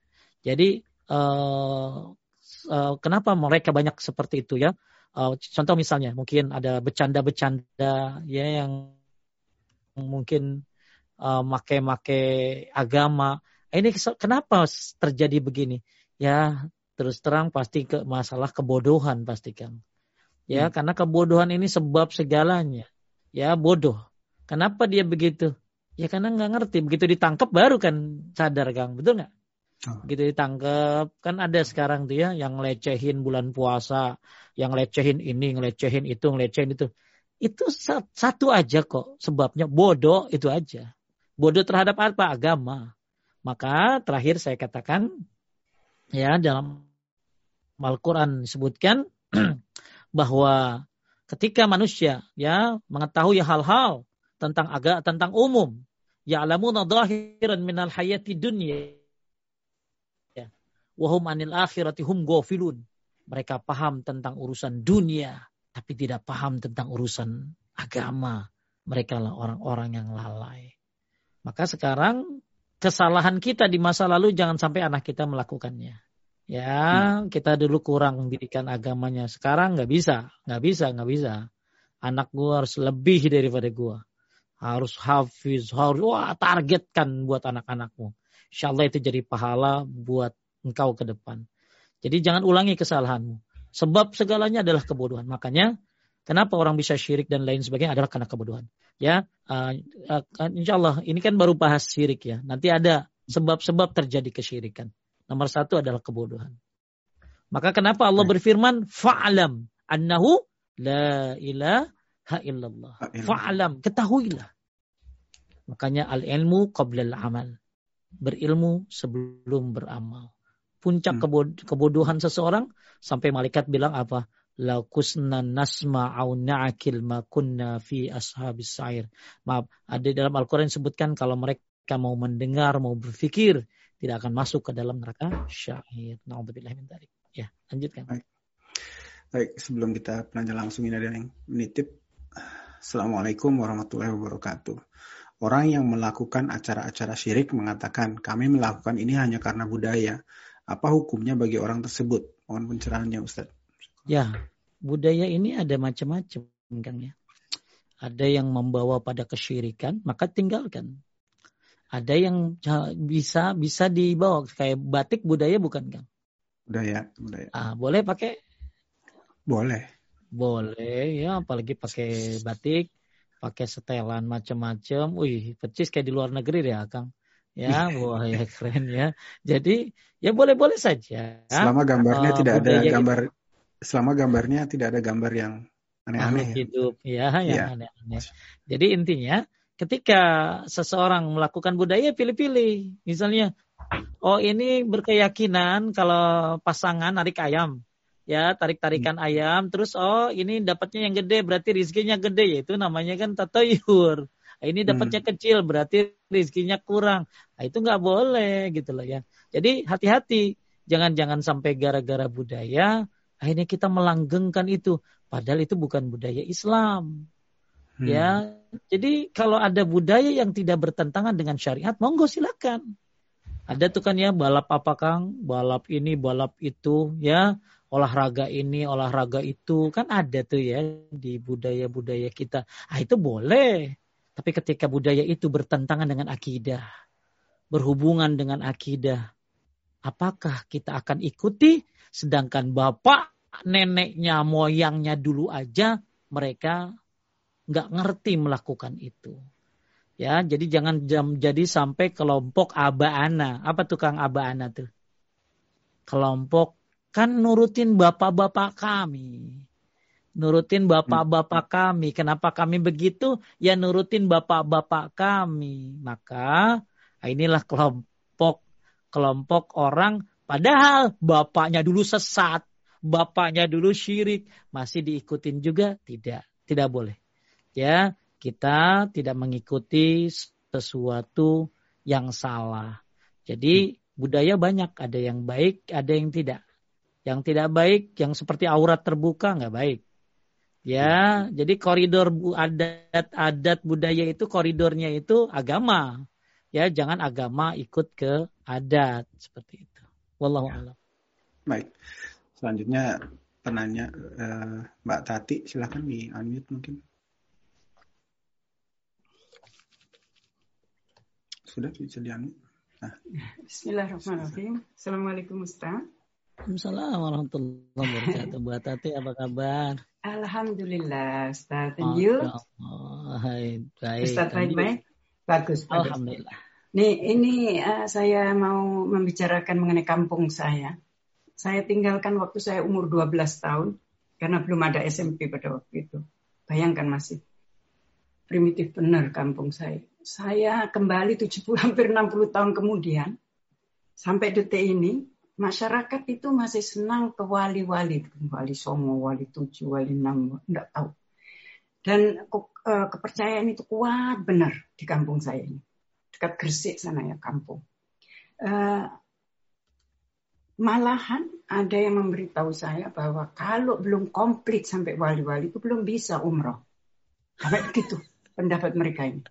Dan Masya ini Allah. sangat kuat lah. Yang kita salahkan Ustadz Agus belum ke sana, tidak berdakwah, atau saya yang bodoh di situ tidak bikin apa-apa. So what shall we do? Apa kita harus kerjakan dalam keadaan begini? Karena real ini, ini betul-betul di kampung saya ini begini. Masya Allah. Iya, Masya Allah. Pertanyaannya Mbak Dati ini selalu berat-berat. ya. ya, jadi Bapak Ibu sekalian ini muliakan Allah, ya. Uh, bukan hanya di kampung beliau saja, setahu saya banyak di kampung-kampung yang masih uh, kalau sekadar ziarah boleh ya, ziarah berkunjung ke misalnya ziarah ke kuburan orang tua boleh dong ya. Tapi kalau ziarah ke kuburan-kuburan kiai-kiai ya la tasyaddul rihal illa fi salasati masajid. Jangan melakukan suatu perjalanan yang jauh untuk ibadah kecuali ketiga masjid. Masjidil Haram, Masjid Nabawi, dan Masjidil Aqsa. Jadi kalau mau ziarah kubur ya ziarah aja ke orang tuanya, kakeknya gitu ya. Kemudian yang minim dari mereka adalah adat-adat berziarah. Adat-adat berziarah. Jadi kan ada adat-adat ziarah itu. Ya, A, B, C, D, adat-adat ziarah itu. Cuman banyak orang yang nggak tahu. Ya, jadi begitu ke kuburan mereka nggak ngerti ngapain. Makanya ada ada banyak hal kenapa mereka nggak ngerti. Salah satunya pasti kembali lagi kebodohan akan ilmu.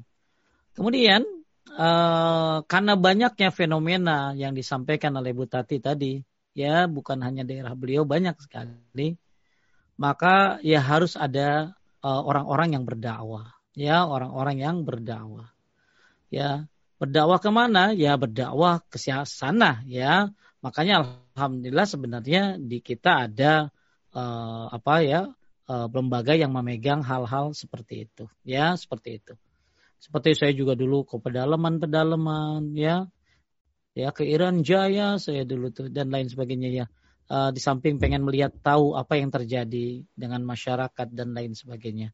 Maka apa yang harus kita lakukan? Yang harus kita lakukan sekarang adalah yang ada di daerah situ dulu. Yang ada di daerah situ. Siapa yang ada di daerah situ? Butati samperin. Kira-kira ya karena sunnah ini menyebar sampai ke mana aja. Bahkan kalau lihat pelajar-pelajar di Madinah, Makkah, Yaman ya, itu mereka dari daerah-daerah dari kampung-kampung banyak.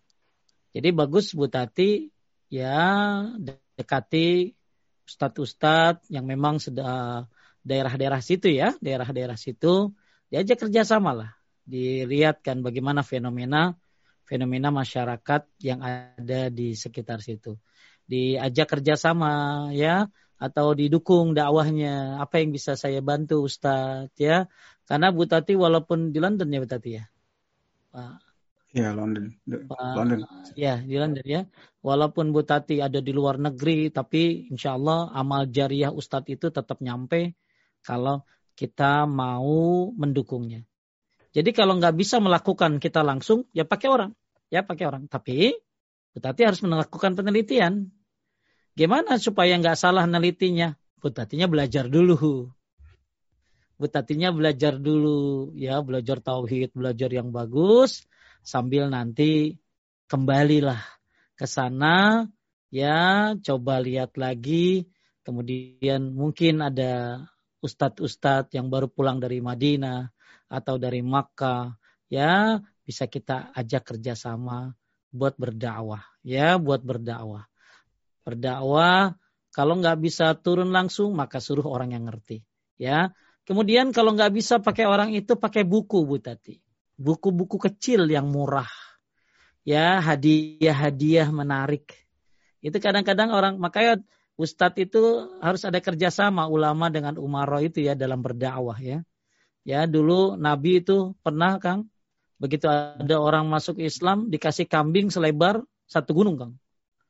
Kambing hmm. selebar, wah akhirnya kan dia teriak Kang. Teriak apa?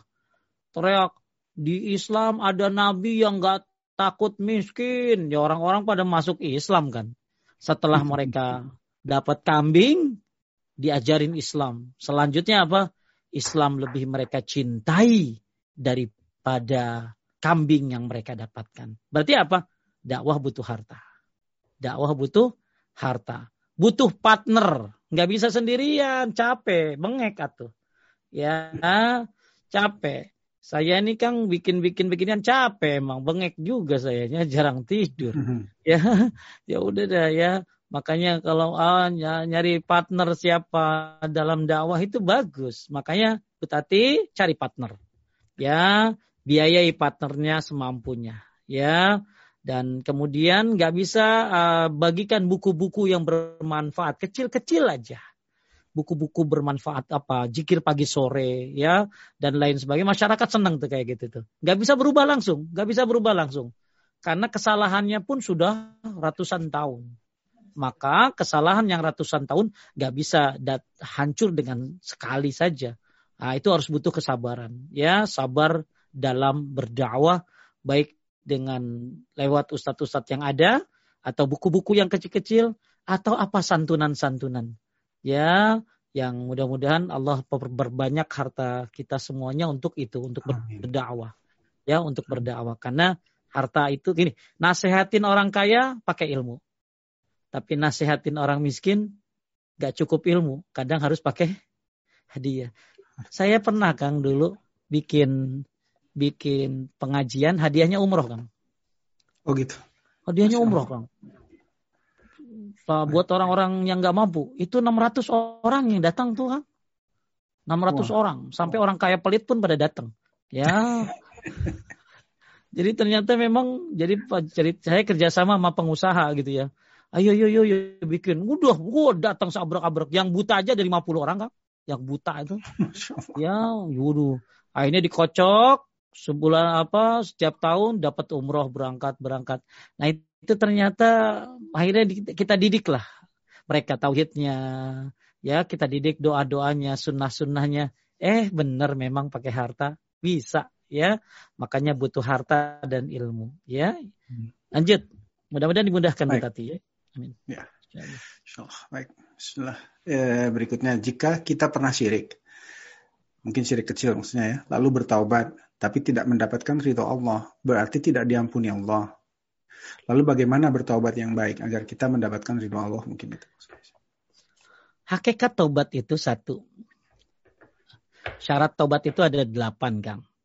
Ya. Hmm. Ya, uh, syarat tobat. Nah, atau kalau dia ini ikutin tukang uh, pengajian saya. Cuman kalau dia orangnya di London, susah waktunya kali. Saya ada pengajian Riyadus Solihin itu setiap hari ya jam 8 pagi biasanya.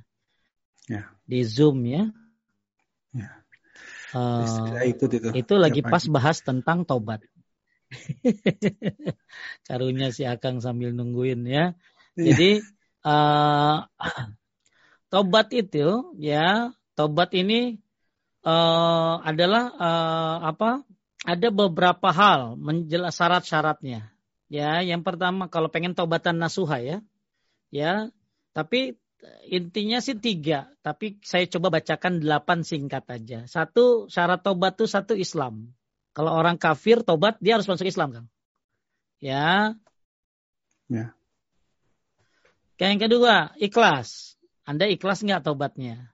Ya, ketiga mengakui dosanya. Akui dosanya. Ya, dia tobat tapi kagak ngaku. Ya salah. Empat, hmm. menyesali perbuatannya. Dia ngaku dosanya dan sesali. Kenapa? An-nadamu taubatun. Penyesalan adalah taubat. Penyesalan adalah taubat. Jadi akui yang keempat, ketiga, keempat menyesali. Kelima, berlepas dan meninggalkan perbuatan dosa tersebut. Jadi lepaskan perbuatan dan tinggalin dosanya. Hmm. Ya. Yang keenam, bertekad untuk tidak melakukannya di masa yang akan datang. Bertekad untuk tidak melakukannya di masa yang akan datang. Ketujuh, taubat dilakukan pada masa diterimanya. Jadi ternyata ada masa terimaan, Kang. Ada masa hmm. diterima tobat. Kapan tuh? Sebelum mati. Jangan sampai pas lagi nyawa di sini baru tobat kayak Firaun. Oh. Ya, sebelum mati jangan sampai. Jadi mas, jadi tobat itu dilakukan ada masanya. Kapan berakhir masa tobat? Ketika datang kematian. Ya, Hmm. Kemudian kapan lagi? Matahari terbit dari barat. La hmm. taubatu hatta tatlu'a syamsu min magribiha. Tobat tidak terputus sampai matahari terbit dari barat. Ya, tobat tidak terputus sampai matahari terbit dari barat. Ya. Kemudian delapan ya yang berhubungan dengan manusia, tobatnya itu ya hubungannya sama manusia, Kang. Misalnya pernah ngapain, pernah ngambil duitnya ya balikin. Ya, karena itu hubungannya sama manu, manusia. Kemudian saya tambahkan dari Imam Al-Balkhi yang terakhir, Tobatan Nasuha, meninggalkan teman-teman yang jelek dan bergaul dengan teman-teman pilihan. Meninggalkan teman-teman yang jelek dan bergaul dengan teman-teman pilihan. Jadi Tobatan Nasuha itu kurang lebih sembilan tadi. Ya, kesimpulannya tiga. Taubat dari seluruh dosa, sungguh-sungguh, ya, taubat dari seluruh dosa, bersungguh-sungguh, dan karena Allah Ta'ala. Kesimpulannya tiga tadi. Ya, jadi sembilan. Sebenarnya banyak hmm, taubat tanah suhatu cara-caranya. Tapi kesimpulannya kata Syekh Salim bin Adi Hilali tiga. Taubatnya sungguh-sungguh, dari seluruh dosa. Ya, ketiga karena Allah Taala. Itu aja. Baik. Lanjut. Baik, ya. Berikutnya Assalamualaikum warahmatullahi wabarakatuh Ustaz. Punten mau tanya Ustaz, jika rezeki, jodoh, dan mati sudah ditentukan oleh Allah dalam takdir, di manakah posisi ikhtiar manusia Ustaz? Anda kalau diem aja di rumah, Ya, makanya ada yang bertanya, bertanya kepada Nabi Shallallahu Alaihi Wasallam, ya ketika uh, turun firman Allah, fa'amma man a'ata wattaqa wa saddaqa bil husna. Ya, jadi kalau akangnya punya tafsir Ibnu Kasir, bisa lihat di dalam penafsiran fa'amma man a'ata wattaqa wa saddaqa bil husna fasanuyasiruhu lil yusra. Wa amma man bakhila wastagna wa kazzaba bil husna uh, fasanuyassiruhu lil usra. Para sahabat bertanya kepada Nabi ya Rasulullah, apakah kita diem aja menunggu takdir atau kita beramal? Maka Nabi menyuruh kita untuk beramal. Karena seseorang akan dimudahkan sesuai dengan apa dia ditakdirkan. Jadi Nabi nyuruhnya bukan diem Kang, tapi ngapain? Beramal. Ya, Nabi suruh beramal. Kemudian sahabatnya ada banyak riwayat tentang tadi itu pertanyaan ya. Jadi mereka pokoknya nanya sama Nabi, ya Rasulullah kita diem aja atau kita berusaha. Maka Nabi disuruh untuk Nabi menyuruh uh, sahabat untuk berusaha, disuruh untuk beramal. Maka semenjak Nabi bilang begitu, Abu Bakar lebih hebat lagi amalnya, Kang. Ya, dan para sahabat juga lebih hebat lagi amalnya. Jadi ketika Allah telah menentukan takdir tentang masalah apa pun Allah sudah tentukan. Lalu gimana kita di mana ikhtiar kita. Anda disuruh beramal gitu loh. Makanya Umar hmm. bin Khattab nggak nggak nggak suka sama orang yang di masjid aja kagak keluar nyari nafkah. Emang di langit turun hujan emas apa? Ya. Jadi kita disuruh untuk beramal. Sampai-sampai burung aja keluar dari sarangnya dalam keadaan lapar dan pulang dalam keadaan kenyang. Maka hati-hati yang namanya tawakal yang salah, Kang. Ada tawakal yang salah. Seperti apa tawakal yang salah? Tadi Allah sudah takdirkan semuanya. Kita tinggal nunggu aja. Salah. Nabi suruh beramal. Kalau begitu Nabi kagak perang atau Kang? Nabi perang nggak? Perang kan? Nabi ya, Nabi juga ya. apa mengembala kambing, Nabi juga berdagang gitu loh. Jadi siapa yang nyuruh ikhtiar? Yang nyuruh ikhtiar itu Allah. Allah bilang afafal ya tanafasil mutanafisun. Malah bukan ikhtiar lagi Kang. Berlomba-lomba. Berlomba-lomba. Fal ya'malil amilun. Fastabikul khairat. Disuruh berlomba-lomba dalam kebaikan. Jadi tugas kita berusaha. Tapi ingat, ujung dari usaha kita adalah Allah Subhanahu wa taala. Jangan sampai kita tawakal yang salah itu namanya tawakul namanya tawakul.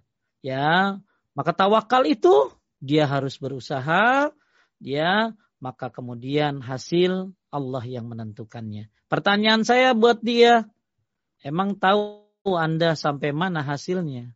Ya, maka insya Allah semuanya sudah ditakdirkan, tapi kita diperintahkan untuk beramal dan berusaha. Siapa yang nyuruh beramal Allah.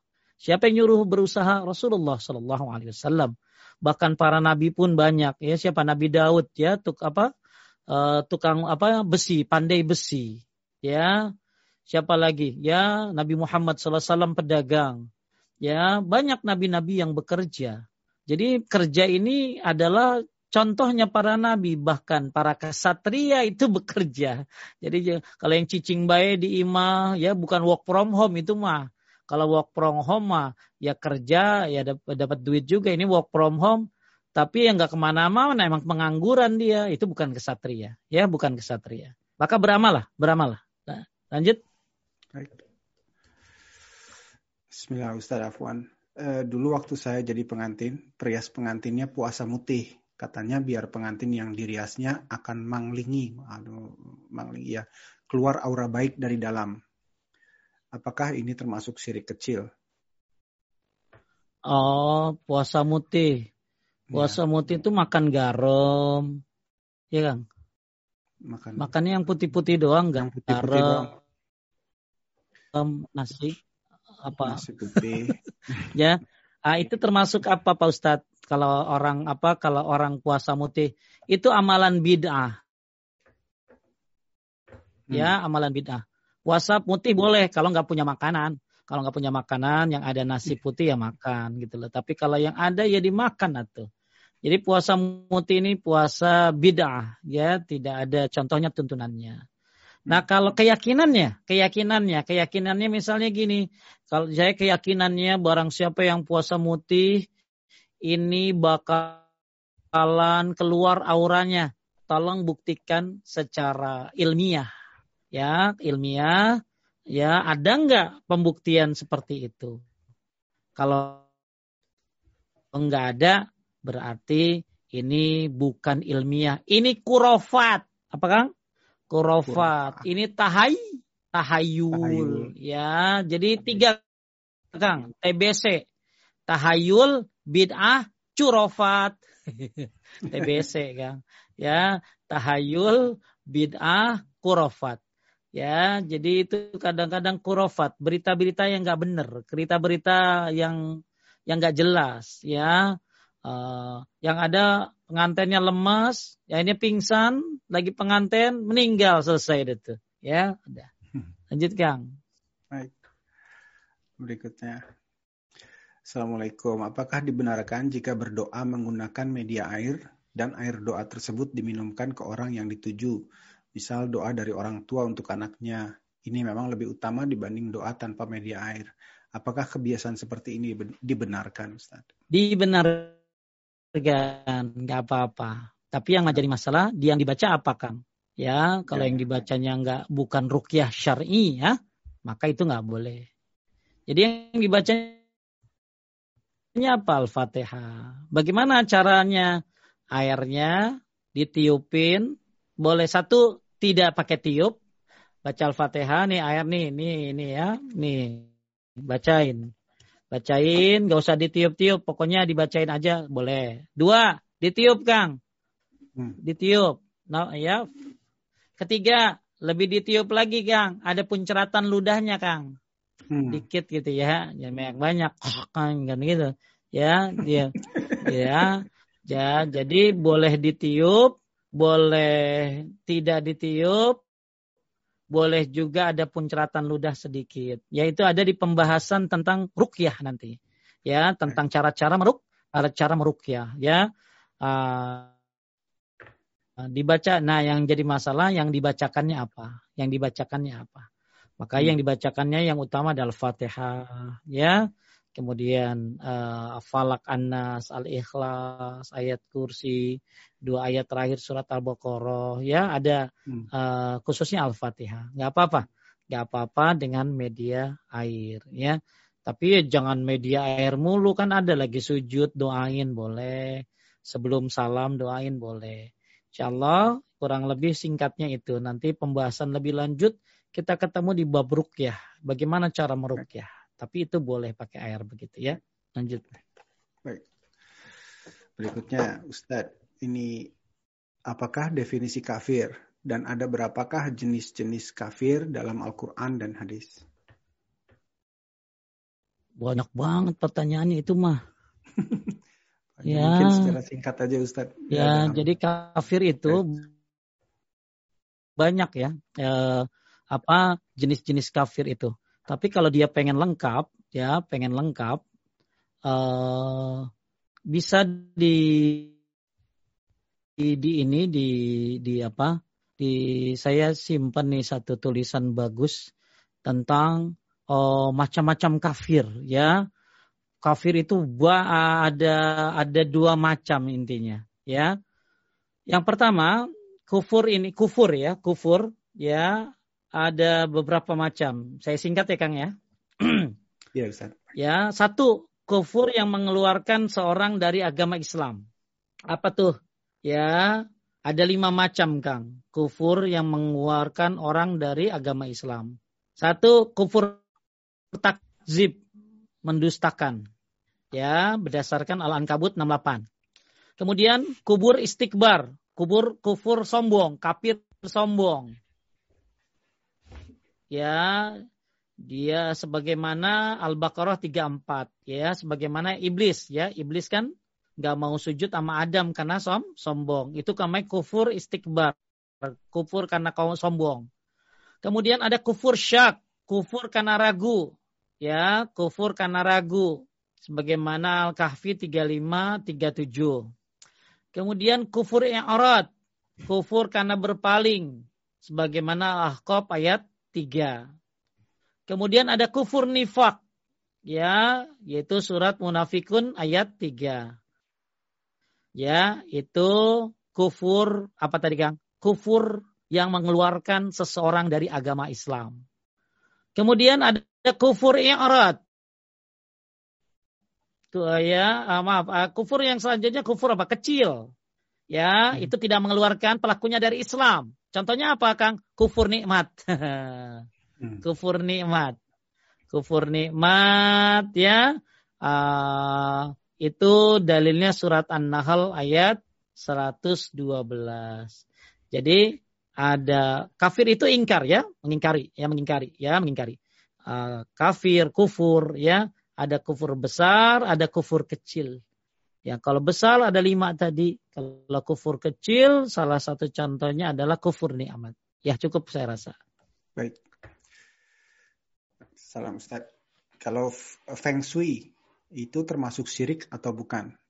Khair. Ya, Feng Shui kan kalau pintu begini bisa begini bisa begini ya. Kalau misalnya gini, oh kamar mandi kudu begini, kalau nggak begini tangga kudu begini, kudu begini begini. Ini bisa bawa sial, ini itu termasuk syirik. Saya nggak tahu kalau ada yang nggak syirik, nggak tahu saya. Tapi misalnya gini, ah ini kaca kaca rumah harus di depan biar udara masuk, itu kan mah sesuai kesehatan kan gitu loh. Yeah. Tapi kalau hubungannya tangga harus ganjil ya, tangga harus ganjil, nggak boleh genap, sampai kebingungan tuh apa arsitek tuh bikin tangga karena ukurannya ganjil. Ya, nah, nanti kalau ganjil maka bisa begini-begini itu syirik. Jadi feng shui ya kalau memang arahnya Feng Shui itu adalah uh, apa tadi uh, mengarahkan keyakinan bahwa dengan melakukan ini bakalan begini-begini, ah itu bisa syirik. Ya, syirik. Tapi kalau misalnya, oh ini tangga eh, apa bagusnya menghadap ke sini karena kalau ke sono kata kata tangga sebelah gitu ya itu ya emang eh, itu mah nggak usah dipikirin. Itu mah memang adatnya nggak boleh begitu ya tangga masa ke tangga sebelah kan gitu. Jadi rumah ya. tangga nanti. Jadi lanjut. Baik berikutnya nih Ustaz. Assalamualaikum Ria adalah salah satu bentuk syirik sementara seringnya kita melakukan sesuatu amalan karena melihat ada yang mencontohkan dan lalu termotivasi atau terinspirasi untuk melakukannya Bagaimana mencegah mencontohkan menjadi ria? Batas-batasnya apa, Ustaz?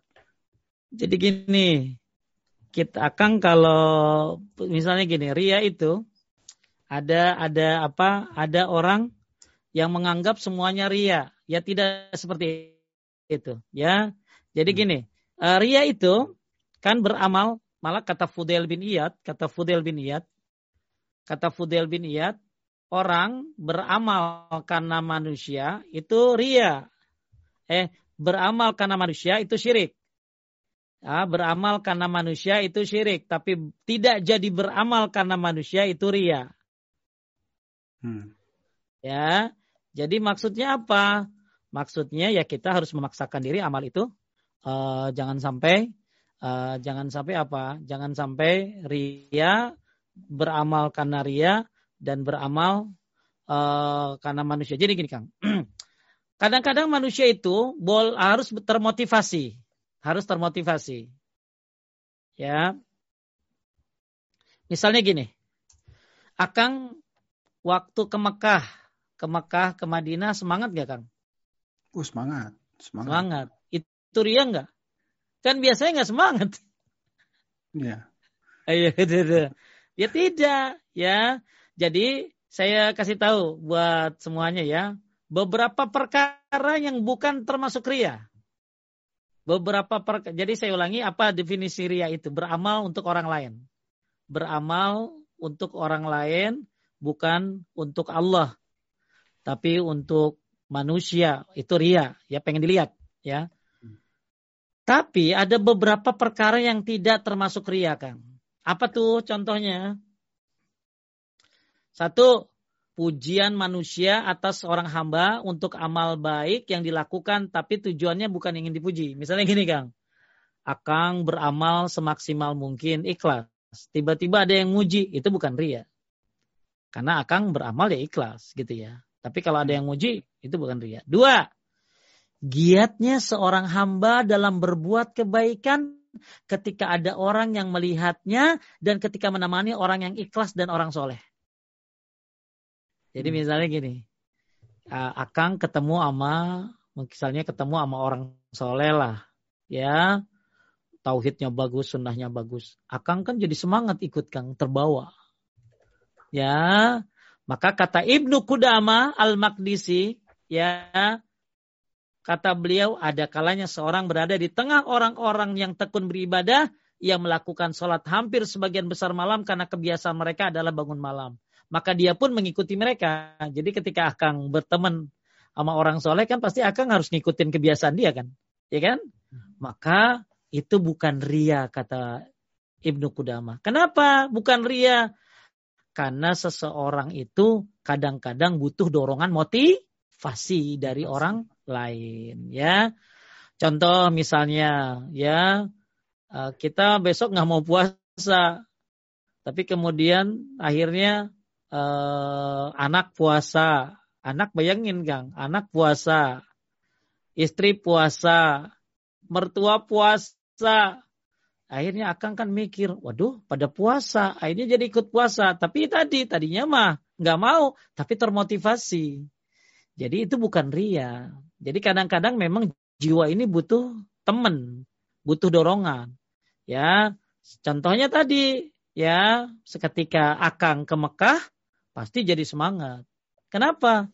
Karena termotivasi. Itu bukan ria. Jadi kata Ibnu Kudama termasuk yang bukan ria satu apa tadi dipuji sama manusia padahal dia beramalnya ikhlas.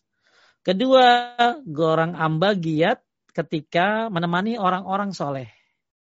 Jadi itu bukan ria. Bukan ria ketika kita jadi soleh, jadi semangat karena menemani orang soleh. Ya, itu bukan ria. Ya, lanjut. Sebentar, Ada lagi Pak, maaf, lupa. Ya. Mengenakan pakaian indah dan bagus juga bukan ria. Oh itu. Ya, ya. Menyembunyikan dosa juga bukan ria. ya, hmm. uh, berpakaian bagus, indah bukan ria. Yang penting menutupi aurat, ya, dan ada syarat-syaratnya. Kemudian satu lagi Kang, menampakkan syiar-syiar Islam menampakkan syiar-syiar Islam apa sholat jamaah. Jangan sampai Kang, akan begitu sholat jamaah mikir jangan-jangan ini ria nih. Saya hmm. sholat jamaah ke masjid. Ah nggak jamaah. Ah itu ria namanya. Oh. Jadi syiar-syiar Islam itu seperti apa? Misalnya puasa Ramadan, ya. ya. Kemudian apa? Sholat Jumat, sholat berjamaah itu bukan ria. Jadi ada beberapa hal kata Ibnu Qudamah yang bukan termasuk ria. Salah satu yang ditanyain tadi, ya. Ketika hmm. kita menemani orang soleh, kemudian jadi ikut semangat, maka itu bukan ria. Lanjut. Baik. Berikut ini masih ada enam, tapi kelihatannya Jakarta udah jam 10, gimana Ustaz? Lanjut aja apa? Bisa. Uh, boleh cepat jawabnya. Yuk. Ya, baik. Ini satu. Bagaimana membedakan kesyirikan jika yang membantu kita adalah seorang ustadz dan menggunakan kalimat Al-Quran saat memberikan bantuan? Ya, bagaimana bedainnya harus pakai ilmu tentunya. Hmm. Ya, kalau ibu ilmunya belum banyak, tauhidnya ya susah bedain. Makanya bedain-bedainnya itu pakai ilmu. Nah, sekarang cara-cara gampangnya ada sih. Ada sih hmm. cara-cara gampangnya. Salah satunya apa, Kang?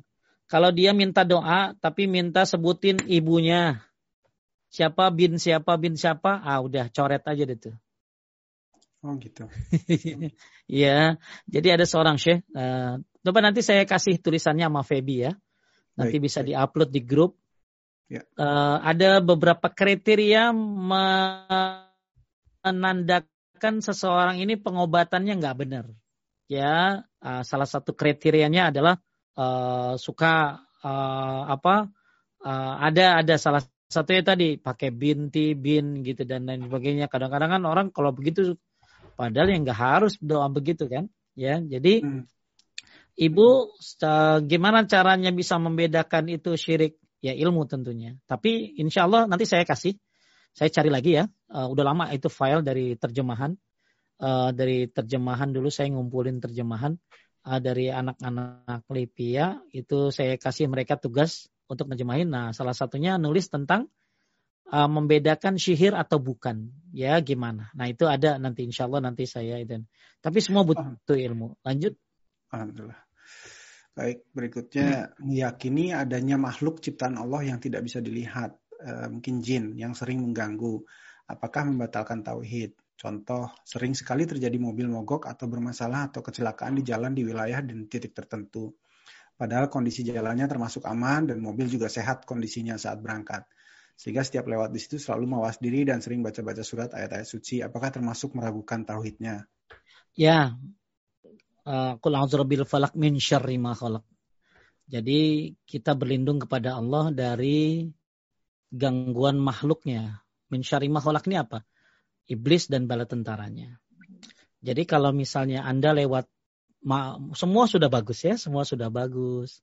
Tiba-tiba selalu kalau lewat situ ada saja, ada saja. Maka tugas Anda adalah membaca kalimat-kalimat Allah. Min Dan angkat posisimu. Jangan Anda akhirnya merendahkan diri, ikut klakson juga, ikut meyakini ya. Jadi mereka memang ada makhluk-makhluk yang jahat ada makhluk-makhluk yang mengganggu dan mereka kan setan itu ada dua, ada jin dan manu, manusia. manusia. Jadi kalau di kalau kalau lewat tempat kayak begitu ya banyakin zikir, banyakin apa karena mereka emang ada makhluk-makhluk yang mengganggu. Yang penting yang kita baca apa? ya yang kita baca apa dan kita uh, berlindung kepada Allah dari semua itu. Bisa saja itu terjadi, ya bisa saja terjadi karena ada makhluk-makhluk Allah yang jahat, ya seperti jin yang jahat dan lain sebagainya. Maka ketika kita lewat tempat-tempat serem, yang penting apa yang harus kita lakukan? Ya, salah satunya bacalah ayat-ayat perlindungan seperti falak dan anas, ya gitu. Lanjut. Uh, ini minta nasihat Ustadz, uh, bagaimana tips-tips cara menanamkan tauhid pada anak? Ya, uh, download bukunya. Anak-anak uh, pun harus tahu judulnya, Kang. Nanti hmm. saya kasih ke Feby ya. uh, atau ke Akang. Anak-anak pun hmm. harus tahu itu karya Abu Salma. Abu ya. Salma. Abu Salma itu suka bikin buku ya. Eh nulis bagus dia. Jadi hmm. ada buku judulnya anak-anak pun harus tahu. Itu kalau nggak saya, saya lupa itu terjemahan atau bikinan dia nggak tahu. Tapi saya ajarin buku itu di anak-anak remaja, Kang. Oh gitu. Ya, anak-anak remaja saya ajarin tauhid pakai buku itu salah satunya. Ya, ya tentang di mana Allah uh, apa tugas kita sebagai hamba. Itu simpel-simpel kok. Ya simpel-simpel. Di download aja apa doanya. Ya, ya apa doanya. Oh, itu iya, iya. Abu Salma kalau nggak eh bu apa doanya? Salah. Anak-anak pun ya, harus tahu. Iya. anak-anak pun harus tahu. Kalau susah nanti saya kasih ke Akang. Akang tinggal share aja siap Lanjut. siap baik Eh, berikutnya ini mengenai syirik tadi, mengenai kalung yang dengan teknologi dibuat katanya bisa melancarkan darah. Itu termasuk syirik padahal kita pakai niatnya ikhtiar. Termasuk sirikkah ya. itu maksudnya? Ya. Uh, pengobatan itu ada dua, syar'i atau kauni. Kalau syar'i berarti ada dalilnya dari Quran hadis, kalau kauni berarti ada penelitian ilmiahnya. Maka kalau kalung itu ada penelitian ilmiahnya, bisa dibuktikan oleh kedokteran, ada penelitiannya, memang bisa begini apa bisa menimbulkan gelombang ini gelombang ini ya uh, ada ada magnetnya ada apa dan memang ada penelitiannya maka insya Allah itu nggak apa-apa. Tapi hati tetap bergantung kepada Allah ya. Lanjut. Ya. yang nggak boleh ya batu aki ditaruh di kepala padahal nggak bisa apa-apa batu aki ya Iya, betul. Assalamualaikum Ustaz. Jika mak akan makan di suatu restoran, tapi dicurigai dia melakukan pesugihan, banyak diceritakan orang. Apakah kalau kita menghindarinya termasuk kesyirikan? Mungkin maksudnya kebalik ya. Apakah kalau kita oke. Okay. Benar, maksudnya percaya, kita nggak ke situ ya terus? Ya, uh, karena percaya adanya pesugihan. Bagaimana sebaiknya sikap kita terhadap resto-resto uh, seperti ini? Mungkin ini pertanyaan terakhir Ustaz. Ya, jadi kalau kita mau makan nih katanya nih ini laku karena pesugihan dan lain sebagainya. Satu lihat yang dijual apa, yang dijual hmm. apa halal apa enggak, ya halal apa enggak, ya kalau memang halal enggak apa-apa makan aja. Yang penting halal kan ada standarnya, ya ada standarnya. Jadi masalah dia berbuat apa itu dosa dia. Tapi kalau lapar kita makan aja, ya makan yang penting kita bayar dan yang dijual pun halal. Tapi kalau saya nggak mau ke situ, kenapa? Bagaimana saya? Takutnya itu rumor doang, hoax doang gitu loh ya. Orang-orang hmm. kadang-kadang saingan bisnis tuh begitu kan. Ya, oh ya akhirnya biar bangkrut gitu. Nah itu. Jadi selama yang dijualnya halal dan kita bayar, ya kecuali ada yang traktir, maka ya nggak apa-apa makan aja, nggak apa-apa makan. Kalau lapar ya, kelapar. Hmm. Ya, kalau beritanya nggak jelas. Tapi kalau udah jelas gimana Pak Ustadz memang ada ada jimat di sininya, di sininya di apa di tengah restorannya, ada ini, ada ini, ada pala ini, maka tinggalkan tempat seperti itu. Ya, jangan jangan makan di situ. Ya, kenapa? Karena takutnya membantu melariskan dagangan dia, sehingga kita membantu omset dia, yang nanti omsetnya bisa kedukun gitu. Lanjut. Nah, Uh, itu terakhir kita tutup aja Ustaz uh, pertanyaan ya, terakhir. Ya. Jadi barusan kita selesai pertanyaan terakhir itu tadi Ustaz. Oh sudah habis. Sudah. Ya.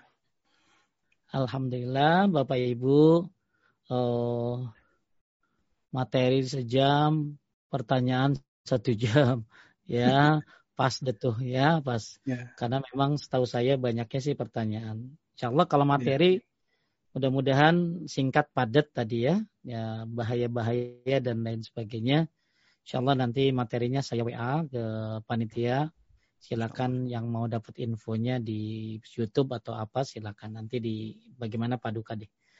Ya. Bapak Ibu sekalian memuliakan Allah, ya tentu harapan kita sebagaimana uh, tadi saya sudah sebutkan, makin bagus tauhid kita, maka insya Allah makin kuat keimanan kita, makin kuat keyakinan kita, tawakal kita, dan semoga dengan belajar tauhid ini Allah mudahkan kita untuk meraih ridhonya di dunia dan di akhirat dan bisa membedakan antara hak dan yang batil, bisa membedakan mana sunnah, mana bid'ah, bisa membedakan mana tauhid dan mana syirik. Insya Allah makin dekat kepada tauhid, kita makin jauh kepada syirik. Dan makin jauh dari tauhid, bisa jadi kita makin dekat dengan kesyirikan. Alhamdulillah.